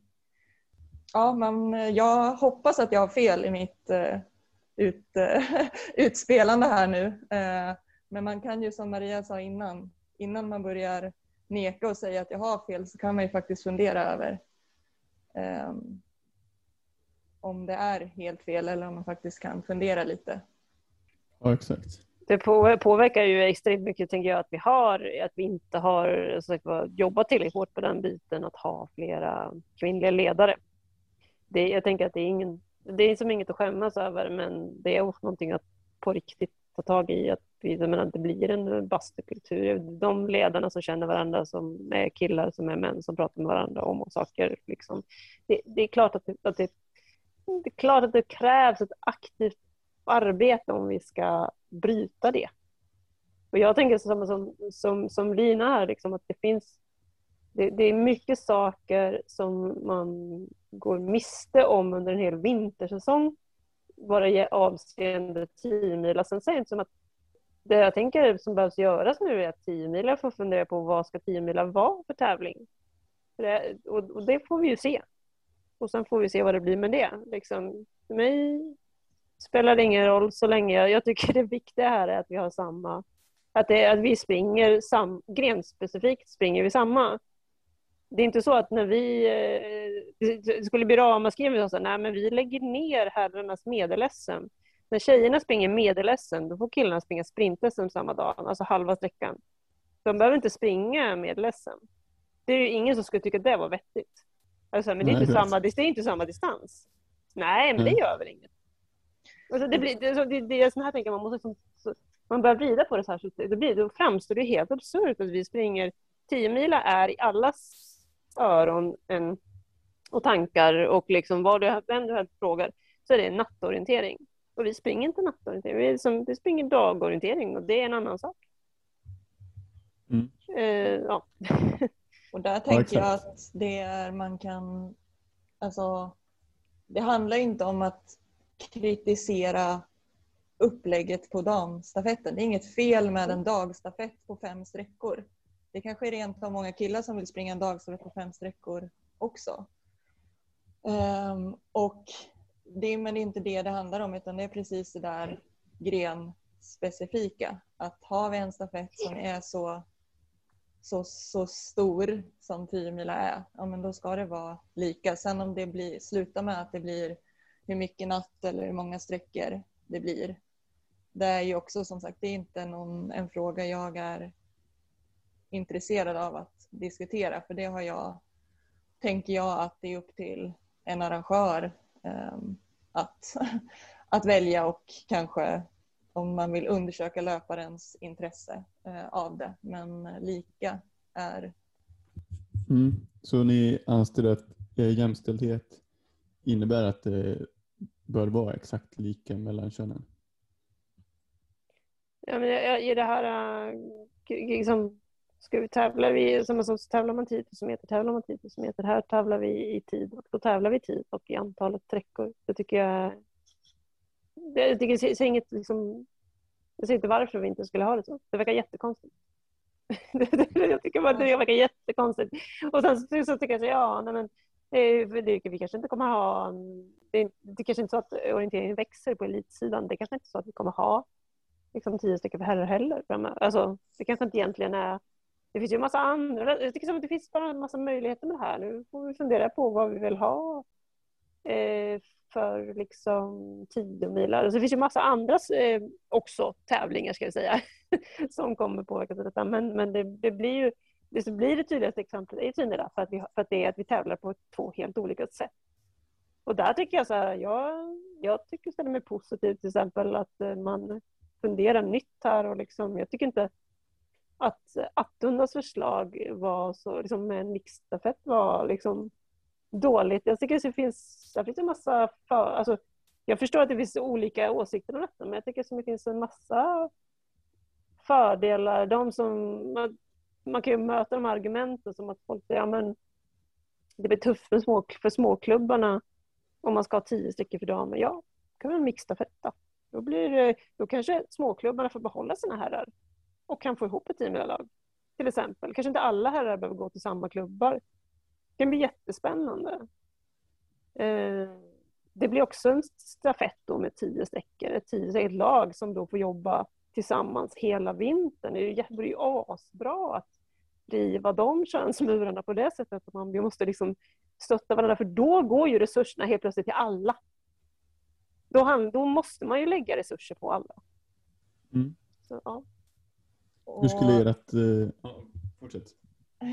Nej, men och det tänker jag att den här eh, debatten som har skett nu med olika artiklar på i orienteringsmagasinet eh, kring 10 mila har ju lyft en massa perspektiv eh, på, på den här stafetten. Eh, och det är småklubbsperspektivet och ehm, ja, det är jämställdhetsperspektivet och det, det är många olika. Vi har även eh, liksom folk som funderar över ja, framtidens tillgång på arenor och hur, hur vi görs bäst i media och allting. Och många argument som används för att damstafetten då inte ska ändras då mot, liksom, för att argumentera mot jämställdhetsperspektivet är ju just det som Maria kanske sa här med det är ett annat perspektiv, det har med småklubbar att göra och precis så kan ju faktiskt en förändring av herrstafetten främja småklubbar. Eh, istället för att bara tänka att en förändring av damstafetten upp tio sträckor för, förstör för småklubbar. Men det har det kanske då redan gjort på några håll med de ramar för herrstafetten. Men det pratar vi inte om för där är ju de ramarna redan satta. Mm. Och vi är vana vid det och då är inte det något konstigt. Så att det är just den här ovanan vid en förändring eller hur vi bara liksom ska tänka nytt som blir svår och olustig. Och jag vet inte hur många gånger jag har funderat på det här med vad är, vad är bäst egentligen och vad är och när vi skrev den här debattartikeln, alltså den, vi jobbade på den länge för att det också ska vara där, ja, men hålla sig till ett perspektiv och sen så har vi också eh, förtroendet för då Soft som arbetar med detta eh, och nu anställd personal att, och även förhoppningsvis inom 10 föreningen nu när, eh, när förslaget är klubbat igenom att vi faktiskt ska ha likvärdigt tävlande. Eh, då är det inte upp till oss att lösa alla problemen för att vi yrkar på en sak. Tänker jag. Nej, det ska bli skönt att inte behöva lösa alla de grejerna. Det är lätt att man hamnar i den sitsen, att man förväntas ha svaret på allting. ja, men om vi ändå frågar då, hur skulle ert, eh, eller hur tycker ni att eh, Timilas upplägg eh, borde se ut för ja, dam och herrstafetterna?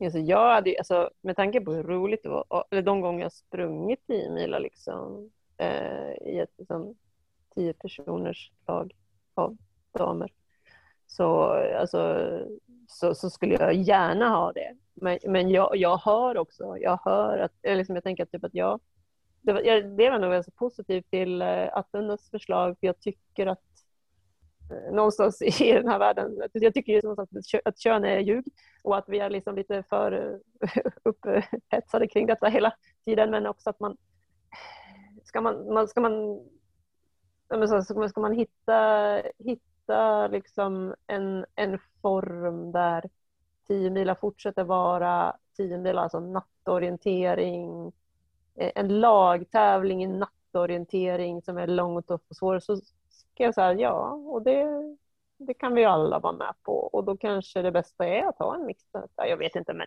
nej, jag vet inte. Det, det finns nog jag vet faktiskt inte. Jag bara ser väldigt mycket fram emot att det ska hända någonting. Framförallt så ser jag fram emot att typ U10 plockar upp det här fort som attans. För där finns det ju inga som helst tveksamheter om att inte göra en förändring än idag. För där har du ju liksom, framförallt har du ju löparunderlaget. Du pajar ju ingen småklubb. Det är redan nu idag så att det liksom damer förväntas fylla upp herr herrstafetten hela tiden som det också gör på Stora Stora Teamnila. Varför inte bara slopa och uh, ha bara en enda klass? Den heter ju redan HD18. Den kan väl vara HD18 bara att man typ uh, liksom lablar sträckor uh, efter kön och så är det inte mer med det. Det är jättebra för ungdomsverksamheten. Mm. Kul idé. Ja, och jag eh, vet inte heller riktigt vad, vad jag vill ha. Och det är sådär som, ja, men, som min intressant. Alltså just nu befinner jag mig i full eh, VM-satsning och har gjort eh, under många år. Och det är klart att det är bekvämt för min del att springa en sträcka på lördag eftermiddag när jag har ett EM en vecka senare jämfört med eh, grabbkollegorna i landslaget som ska gå upp i fem och dra 15 kilometer och sen ha EM en vecka senare det är klart att jag kan vara kanske lite, nu är inte jag van vid att göra det, eh, eller van och van, man gör det kanske en gång om året för killarna. Men, och det är just det där att skulle jag bara sätta mina, eh, mina önskningar, vad som är bäst för mig här och nu, så skulle det ju vara att springa en halvlång sträcka på lördag eftermiddag. Helst nära Göteborg också så jag slipper resa. Och man frågar ofta sådär att liksom, ja, men upplever du att du får sämre uppmärksamhet i damstafetten mot herrstafetten? Och då är det så här, ja, men jag har bara tävlat damstafetten. Jag har bara kommit på pallen i damstafetten. Jag har inte gjort det på herrstafetten. Jag har inte gjort det med nio lagkompisar. Jag har gjort det med fyra och det har varit helt fantastiskt eh, det också. För att vi har ju skapat dem liksom, där och då hjälper det inte mig att fundera på hur roligt grabbarna har det när de vinner någonstans. Utan, och, och det är det här som kanske gör det svårt, att det slår lite slint ens eget huvud när man får frågan vad vill jag ha? Men så ser jag alla mina små kids i min klubb, både tjejer och killar som har tränat med pannlampa hela vintern från liksom 6 till 12 år. Och säga till de tjejerna att de, det är inte relevant för er att ha pannlampa om ni vill tävla i orientering sen när ni blir vuxna. Ja, men det känns lite sådär, varför då? Kanske de frågar och det har jag inget bra svar på. Det bara är så. Ja, men jag tycker det, det, det är ju kanske det som är också, bara om man tittar på sådana saker som när det blir väldigt tydligt, det är att jag funderar hela tiden på, jag har ett barn nu som, som är fyra och ett halvt. När, när ska jag berätta för honom att det är så här ligger till? För, han, för honom är ju ingenting en självklarhet. Speciellt inte angående kön. Liksom. Ingenting liksom. Så det kommer mm. bli, framstå helt absurt för honom den dagen som jag berättar detta för honom.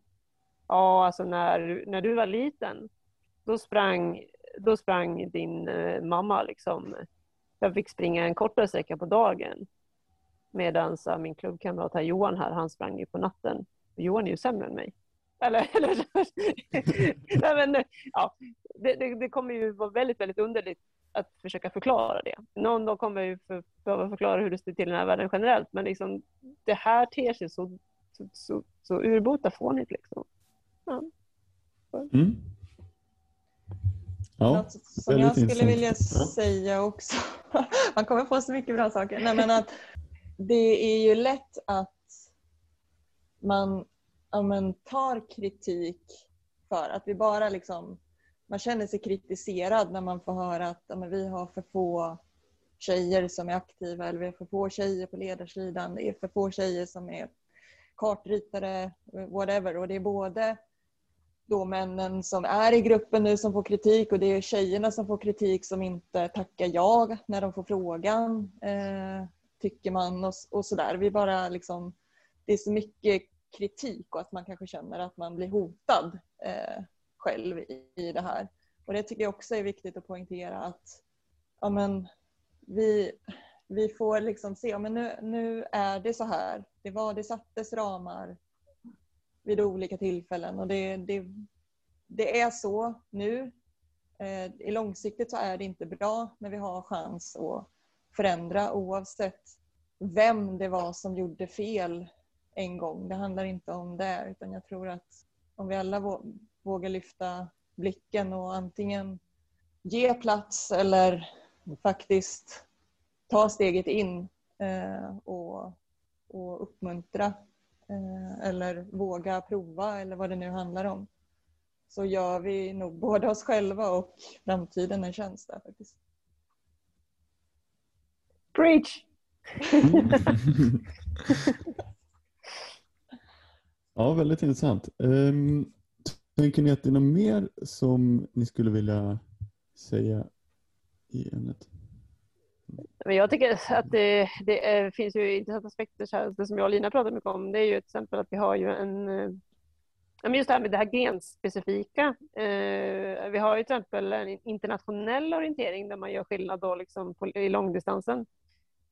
Eh, och, och där har vi haft en, eh, jag har haft en diskussionsgrupp som har varit lite internationellt med en massa andra där vi har pratat om liksom just det här med ja, men, hur, att långdistansen, för att vad som är grenspecifikt är ju att den är just 90 minuter, att den inte tar slut efter 70, utan att det är de här extra 20 minuterna där folk blir liksom extra trötta och att det är en...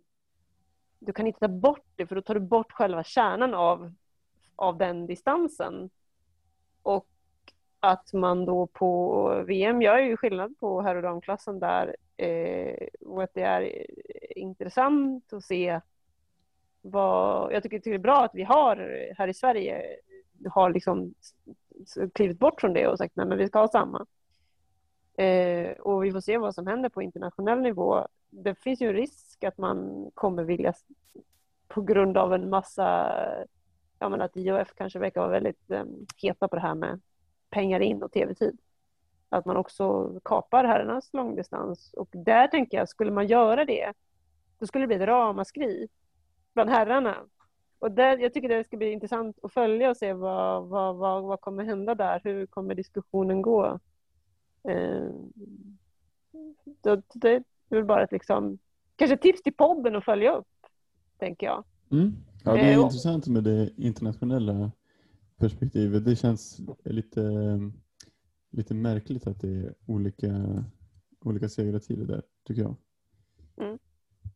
Men och också, eh, så här, nästa, nästa, nästa fråga blir också så här, vad vi, vi, som, jag, som jag också intresserar mig mycket för här liksom är typ Okej, nu har vi fått eh, liksom en, en, en jämställd playground liksom.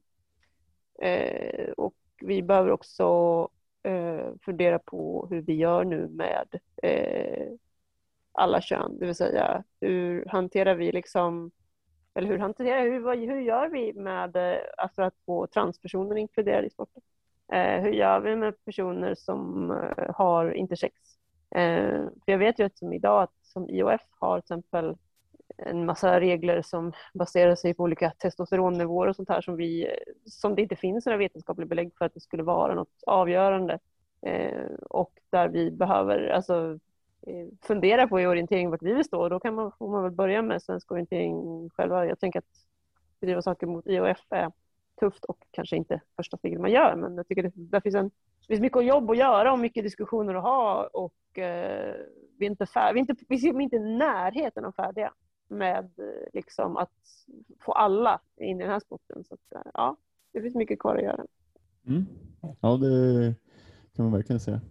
Ja, intressant att eh, höra era tankar kring eh, de här väldigt viktiga ämnena.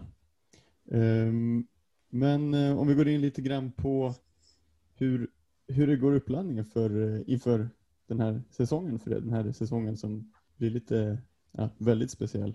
Hur, hur går det för er? Ja, Maria, ska du? Ehm, ja, nej men eh, vad ska man säga? Det har ju varit ett långt, eh, långt standby-läge eh, för min del. Även om det känns med tanke på vi- vinteridrotternas mästerskap som har varit under vintern så ser jag väl en, en förhoppning om att både EM och VM ska kunna bli av förutsatt att smittoläget i världen är inom rimliga gränser för att man som elitidrottare också ska kunna börja resa. Ehm, men ja, det har varit en utmaning. Det ska jag inte sticka under stolen med att det har varit tufft att hålla igång. Ehm, framförallt Framför allt det specifika med, med träningen. Vi har inte varit på ett landslagsläger sedan i, i somras. Men träningen har väl ändå rullat på skulle jag säga. Men det har gått okej att hitta motivation för, eh, för att träna på bra. Och någonstans har det handlat om att befästa den här grundmotivationen. Varför lägger jag ner så mycket tid varje dag? Eh, Och någonstans i det så är det tydligt att det är drivet att utveckla mina färdigheter och framför allt så har det varit ett driv mot att jobba med, med fysen, eh, det fysiska. Ehm, och kanske där jag under förra säsongen, som inte blev så mycket säsong, men ändå kände att ja, men, jag hade utvecklat min förmåga och nu har det varit lite små strul men att ändå komma tillbaka till den nivån. Sen så krävs det ju mer än fys för att jag ska kunna prestera i, på orienteringsmästerskapen till, till sommar. Så jag har ett gediget jobb att göra tekniskt. För tekniskt känner jag att jag verkligen behöver det här äh, fokuset från mästerskapen för att, att jobba. Eh, Och det är väl det jag saknat men jag hoppas att vi, jag ska kunna slå på det nu framöver och, och jobba intensivt här de sista veckorna och månaderna som är kvar. Mm. Vilka är de stora målen inför säsongen? Eh, Ja, det är både EM och VM. EM i Schweiz och VM i, i Tjeckien då, i, i sommaren. Eh, VM, VM är ju alltid det, det större.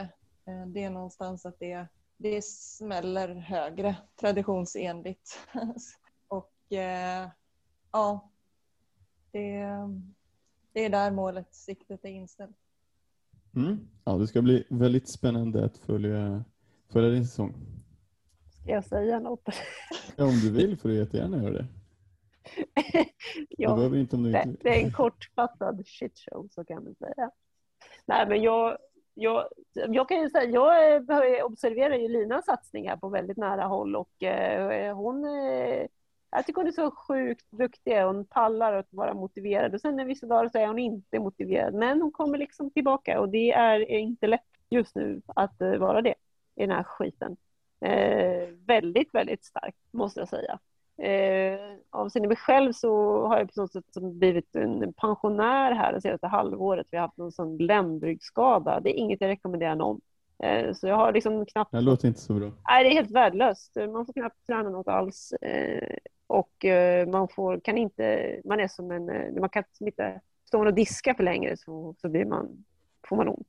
Så det just... Eh, ja, min, allting är väldigt vilande. Jag drömmer liksom, jag tänkte säga mardrömmar, men jag liksom försöker att sova mycket så att jag tänker på det här långesten vi sprang i höstas för att det var så underbart. Och bara typ drömmer om att någon gång få springa Just nu, just nu är det mest så det känns liksom att, typ att, att få springorientering på ett rimligt sätt igen är väl det som jag hoppas på.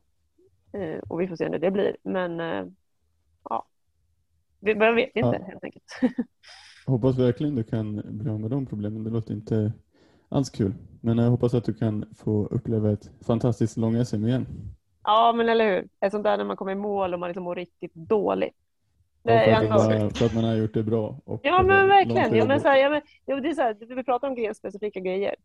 Långdistans, det finns ju som ingen annan. Jag, jag tycker så. Det finns ingen, ingen annan känsla som är så bra. Man har sprungit och man är så svintrött och som det går upp och ner under hela loppet också. Man är så trött och så blir man lite pigg och så är man trött så man, och sen så på slutet så när man gått i mål så är man bara liksom helt färdig och sen så efteråt den kicken man får, det är precis som ingen... Alltså jag kan ju leva på det. Ja, men ni har, jag funderar fortfarande på det där. Det är liksom Svartedalen, du vet det var så grön mossa överallt. Och så här stora granar och bara lite fuktigt och ja, det, så, så kom man och så såg man någon näsa man skulle ha långt bort igenom. Och, ja, jag kan inte börja prata om orientering för jag är så här himla romantiskt. Och ligga i fosterställning med magpina hela eftermiddagen och, ja, och, sen inte ve- och sen inte veta vad man heter dagen på. älskat. Jag har älskat ändå. Jag älskar orientering. Det är det jag vill säga. Så kan vi avsluta den här podden med. Jag älskar orientering.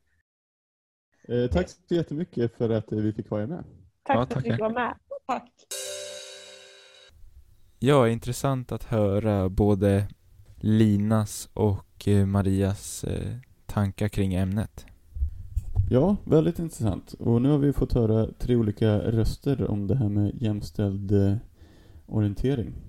Vad, vad tänker du om det hela, Mattias?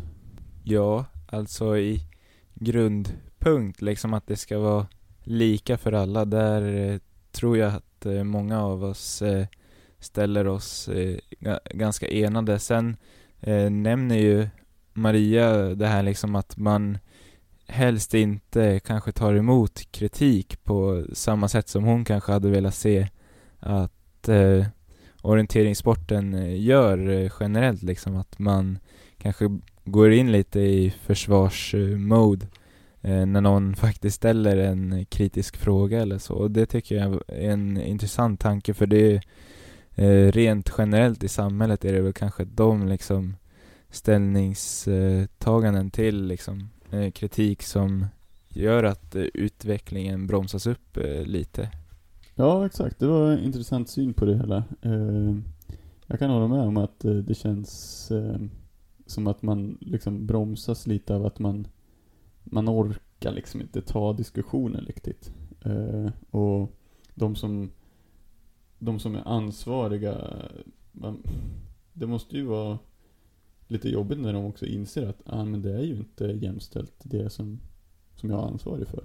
Mm, ja exakt, nej men det är ju som att det är ju som att få en käftsmäll liksom, men det är ju det är ju hur man tar, tar emot det liksom. Eh, är man öppen för kritik eller stänger man bara igen?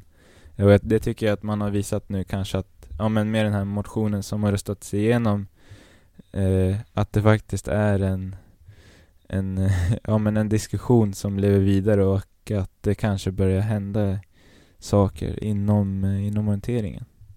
Ja, eh, soft visar ju liksom att det är, en, det är en prioriterad fråga. Så det är ju ett, ett väldigt bra första steg. Ja, nej men exakt. Och sen, eh, sen var det lite svårt att, att, få ut något exakt svar på, på den här frågan om vad man kan göra närmsta åren. Eh, och det är ju faktiskt en, en fråga som kanske inte är upp till eh, eller ja, det, det är kanske svårt för en individ att, att, sätta fingret på det utan det blir ju då någonting som Stoffs får, eh, får jobba vidare med och, och försöka lösa. Eh, Soft. Ja, ja, det blev ett S på slutet. ja, ja absolut. Um, Eller sa jag stoff? Och visses... Ja, du sa stoff. Ja, då menade jag soft. Förlåt allihopa. Du kan säga soft, alltså för att klippa in det. Ja, men det känns ju som att vissa delar är ju mer eller mindre bara självklara liksom. Eh, som till exempel att eh, eh, damer och herrar ska ha lika långa segratid. Nu har de infört det upp till eh, HD 21 då, hittills. Eh, men att införa det även för äldre klasser, det är ju något sånt som egentligen mest bara känns självklart. Eh, men eh, det här, den här diskussionen kring, eh, kring eh, klubblagstafetterna, den eh, känns ju inte riktigt lika självklar tycker jag. Eh, det är svårt att veta exakt hur man ska göra.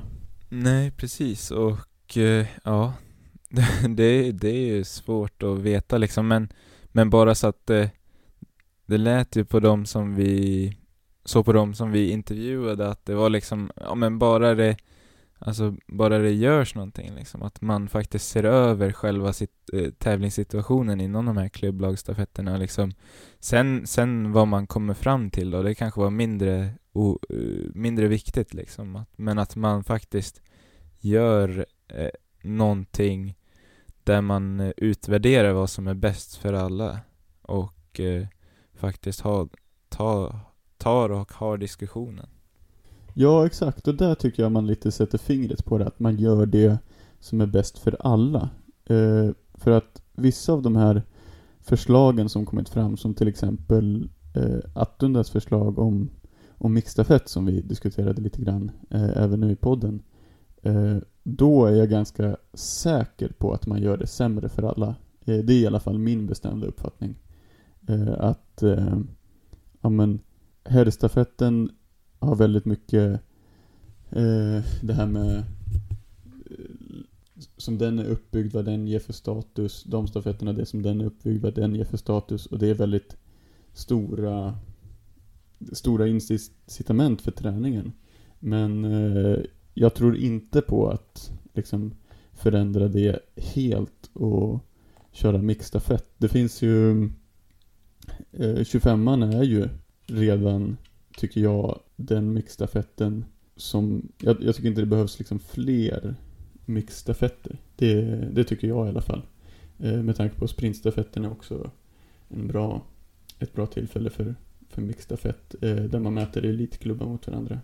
Nej, rent eh, sportsligt kanske jag eh, kan hålla med dig där om att eh, det är liksom kul att ha, jag menar ha eh, liksom här, här stafetterna som man får vara med och delta i. Men sen eh, blir det också då, som eh, vi även hörde i de här intervjuerna, att det blir ett annat, ett helt annat upplägg om man då skulle eh, ha stafetterna i form av mixstafetter.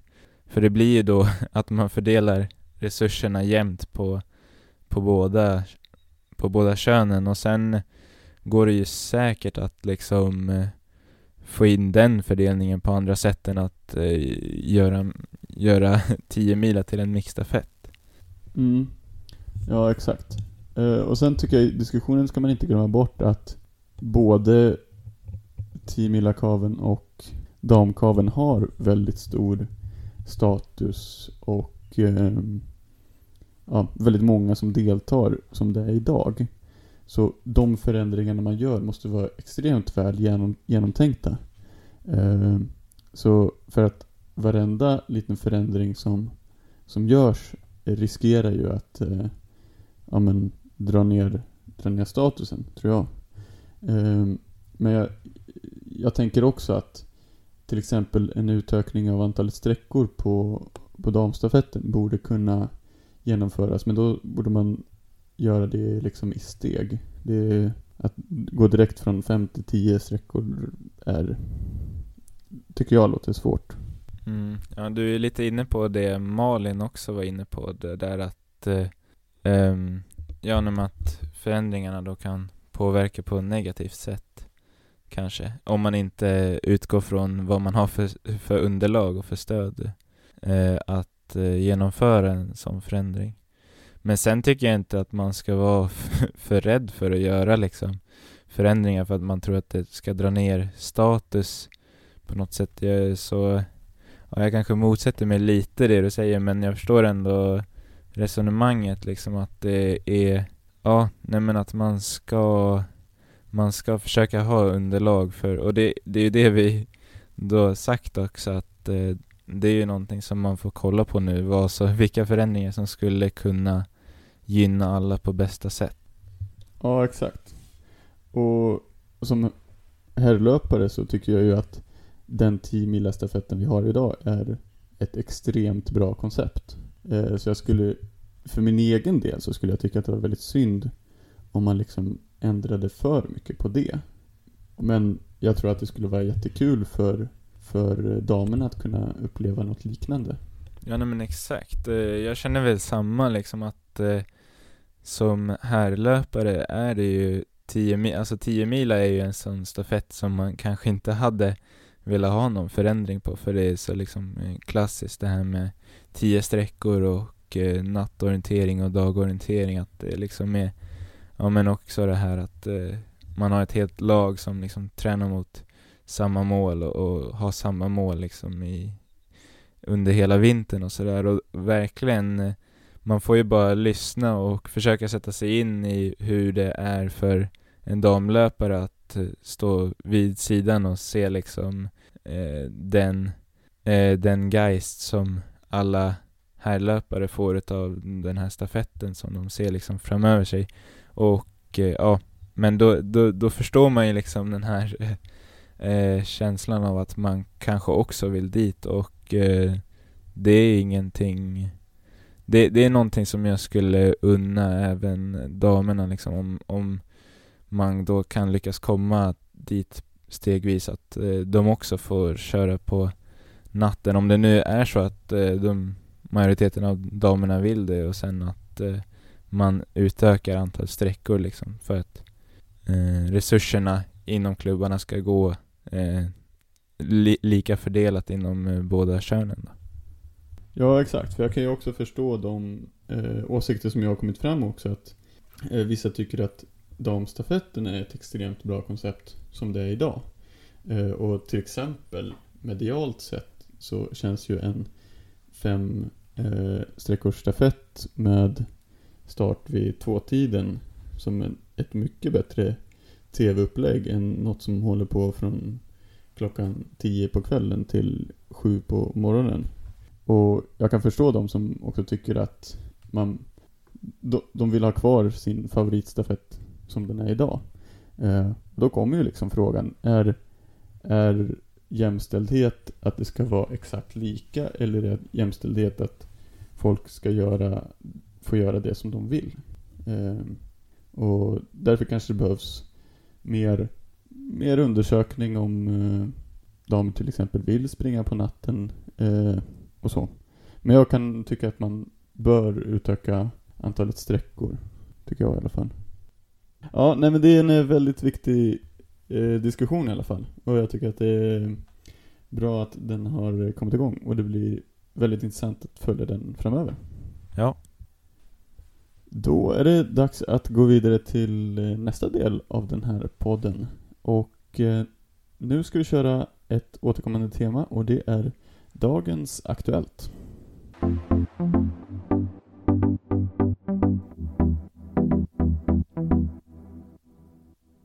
Ja, och i dagens Aktuellt tänkte jag börja med att ta upp eh, en fantastisk löparprestation som skedde här för ett par veckor sedan när eh, en av våra kompisar från podden, Jonas Leandersson, eh, sprang 13 och 49 inomhus på 5000 meter.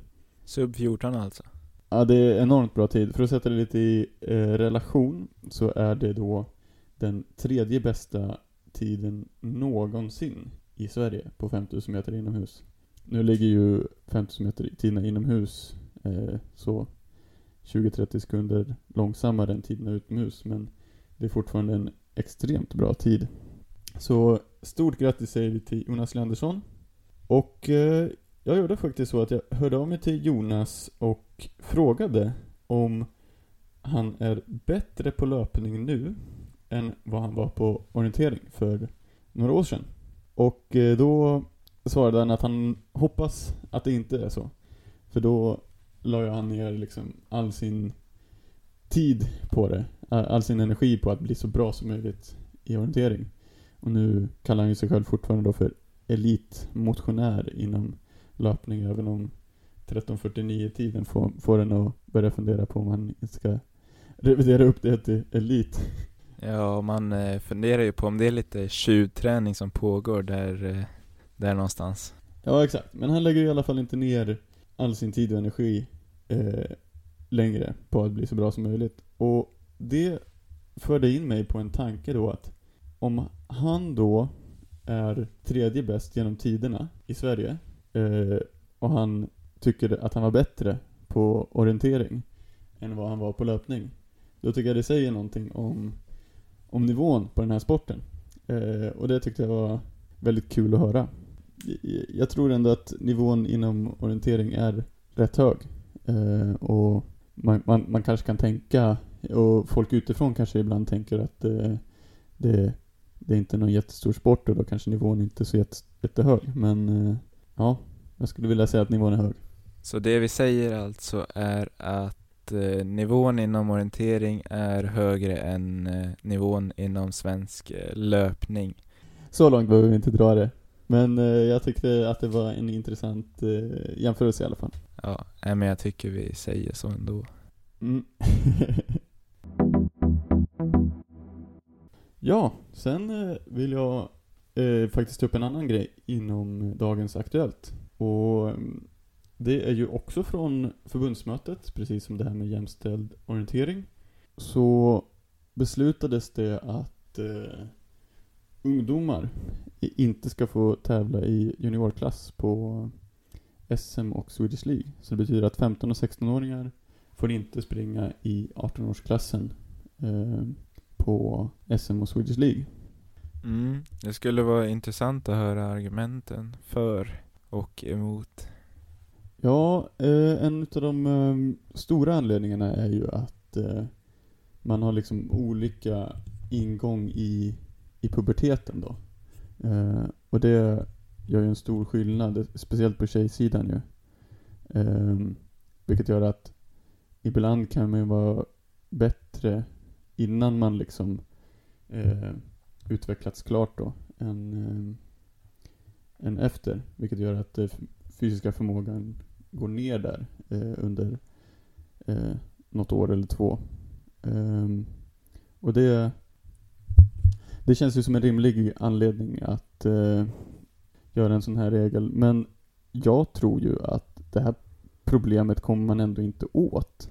För att eh, det finns inget som säger att alla kommer in i puberteten i 15 och 16 och sen exakt när de har blivit 17 så har de kommit ur den.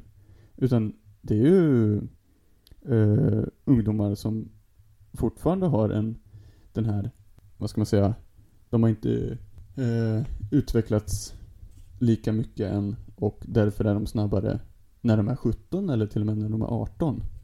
Eh, och då kanske de är snabbare än de som är 20 och tar en plats till, till JVM av det. Eh, så jag tror, att, jag tror inte att man kommer åt det, eh, det problemet med det här.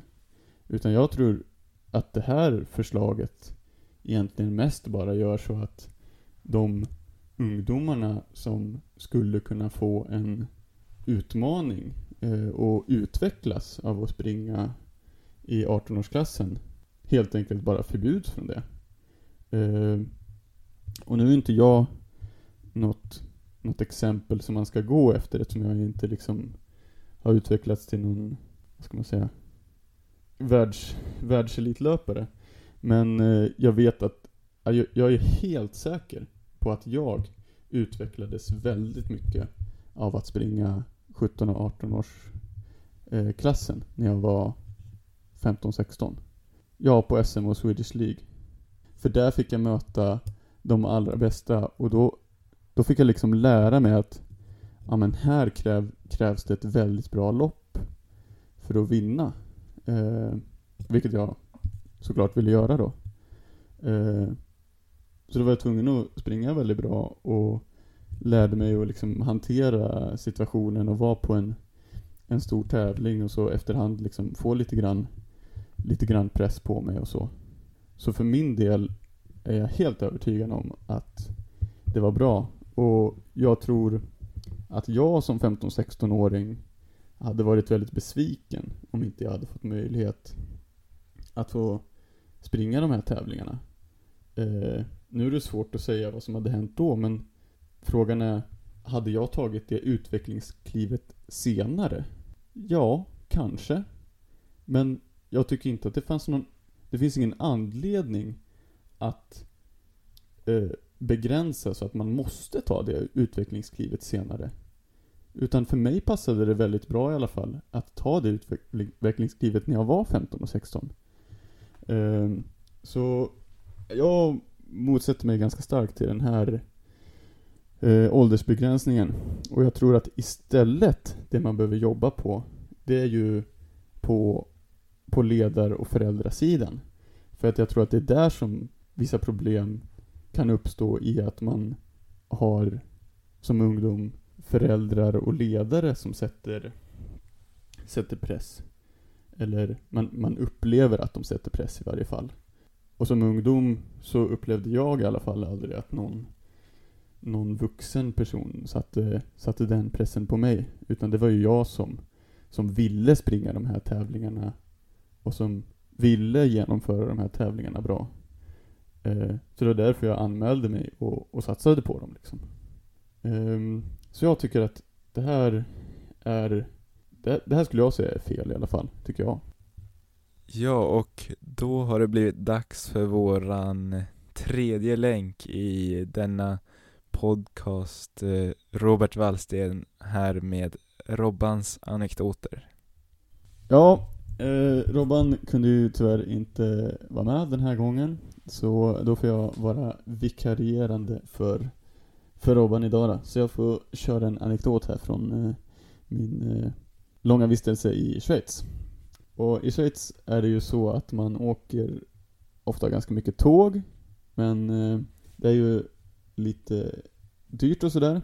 Men eh, jag kom över en biljett som var en heldagsbiljett till ett helt okej pris. Ja, jag skulle åka från eh, Flavio i, min kompis Flavio i ena delen av Schweiz till min flickvän Annick uppe i, som jobbar uppe i bergen där då. Så då tänkte jag, nu ska jag utnyttja den här eh, heldagsbiljetten så mycket som möjligt. Så då gjorde jag upp värsta planen och i Schweiz har man liksom, man har ju inte internet eh, som svensk eftersom det inte är med i EU då.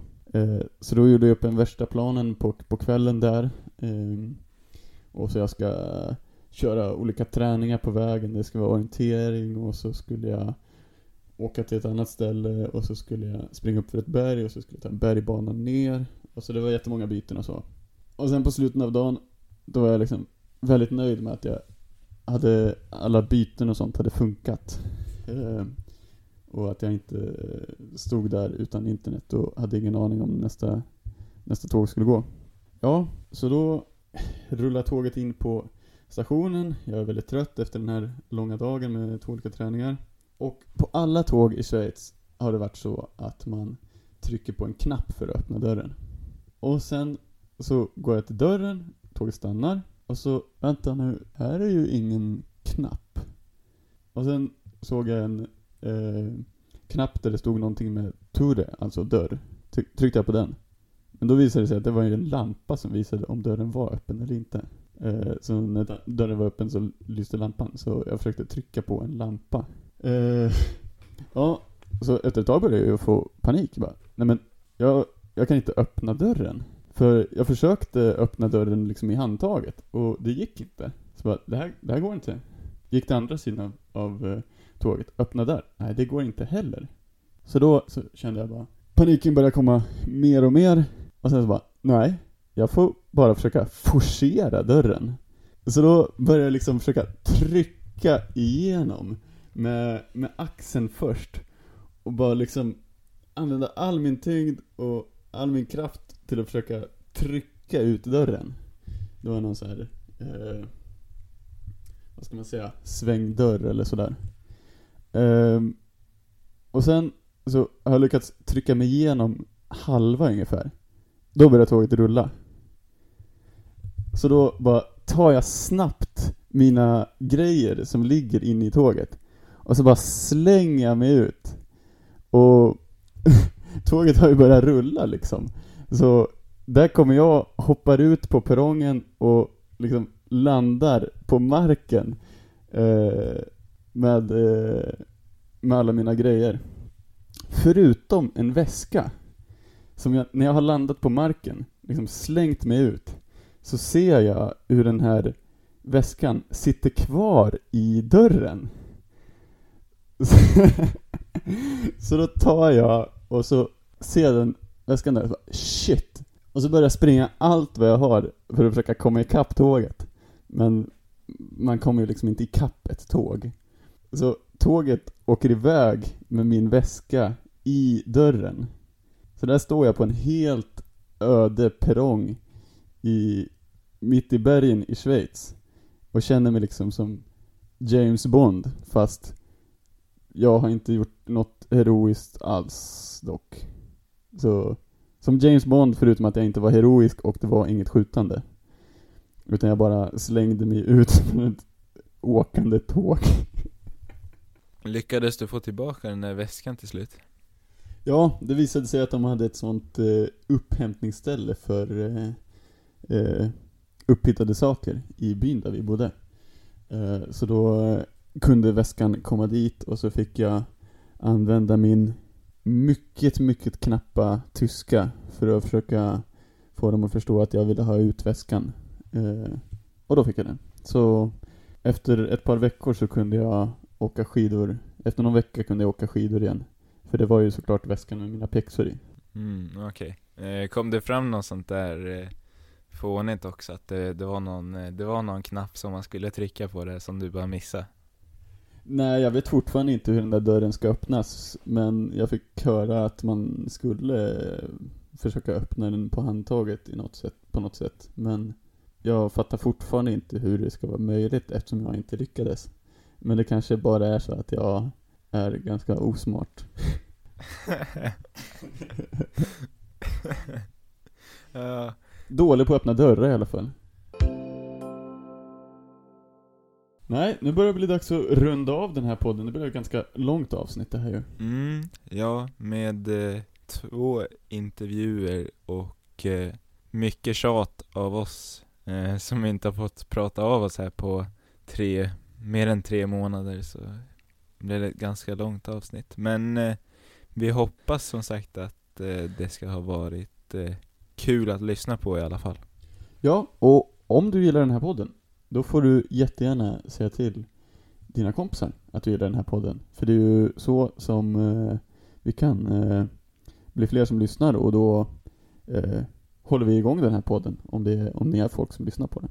Exakt. Alltså, det bästa man kan ge någon är ju ett poddtips.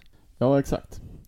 Ja, och eh, ni får ju såklart jättegärna följa Elia på-podden eller Alga Papadden på Instagram och på Facebook.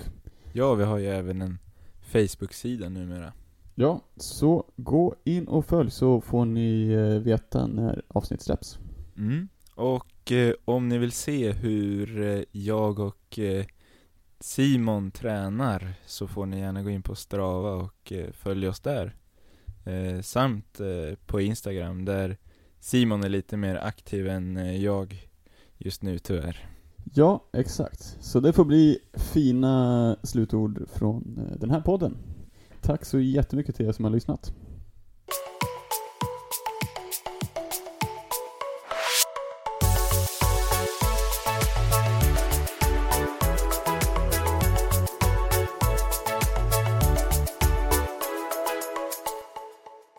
Jag älskar orientering. Det är det jag vill säga. Så kan vi avsluta den här podden med. Jag älskar orientering.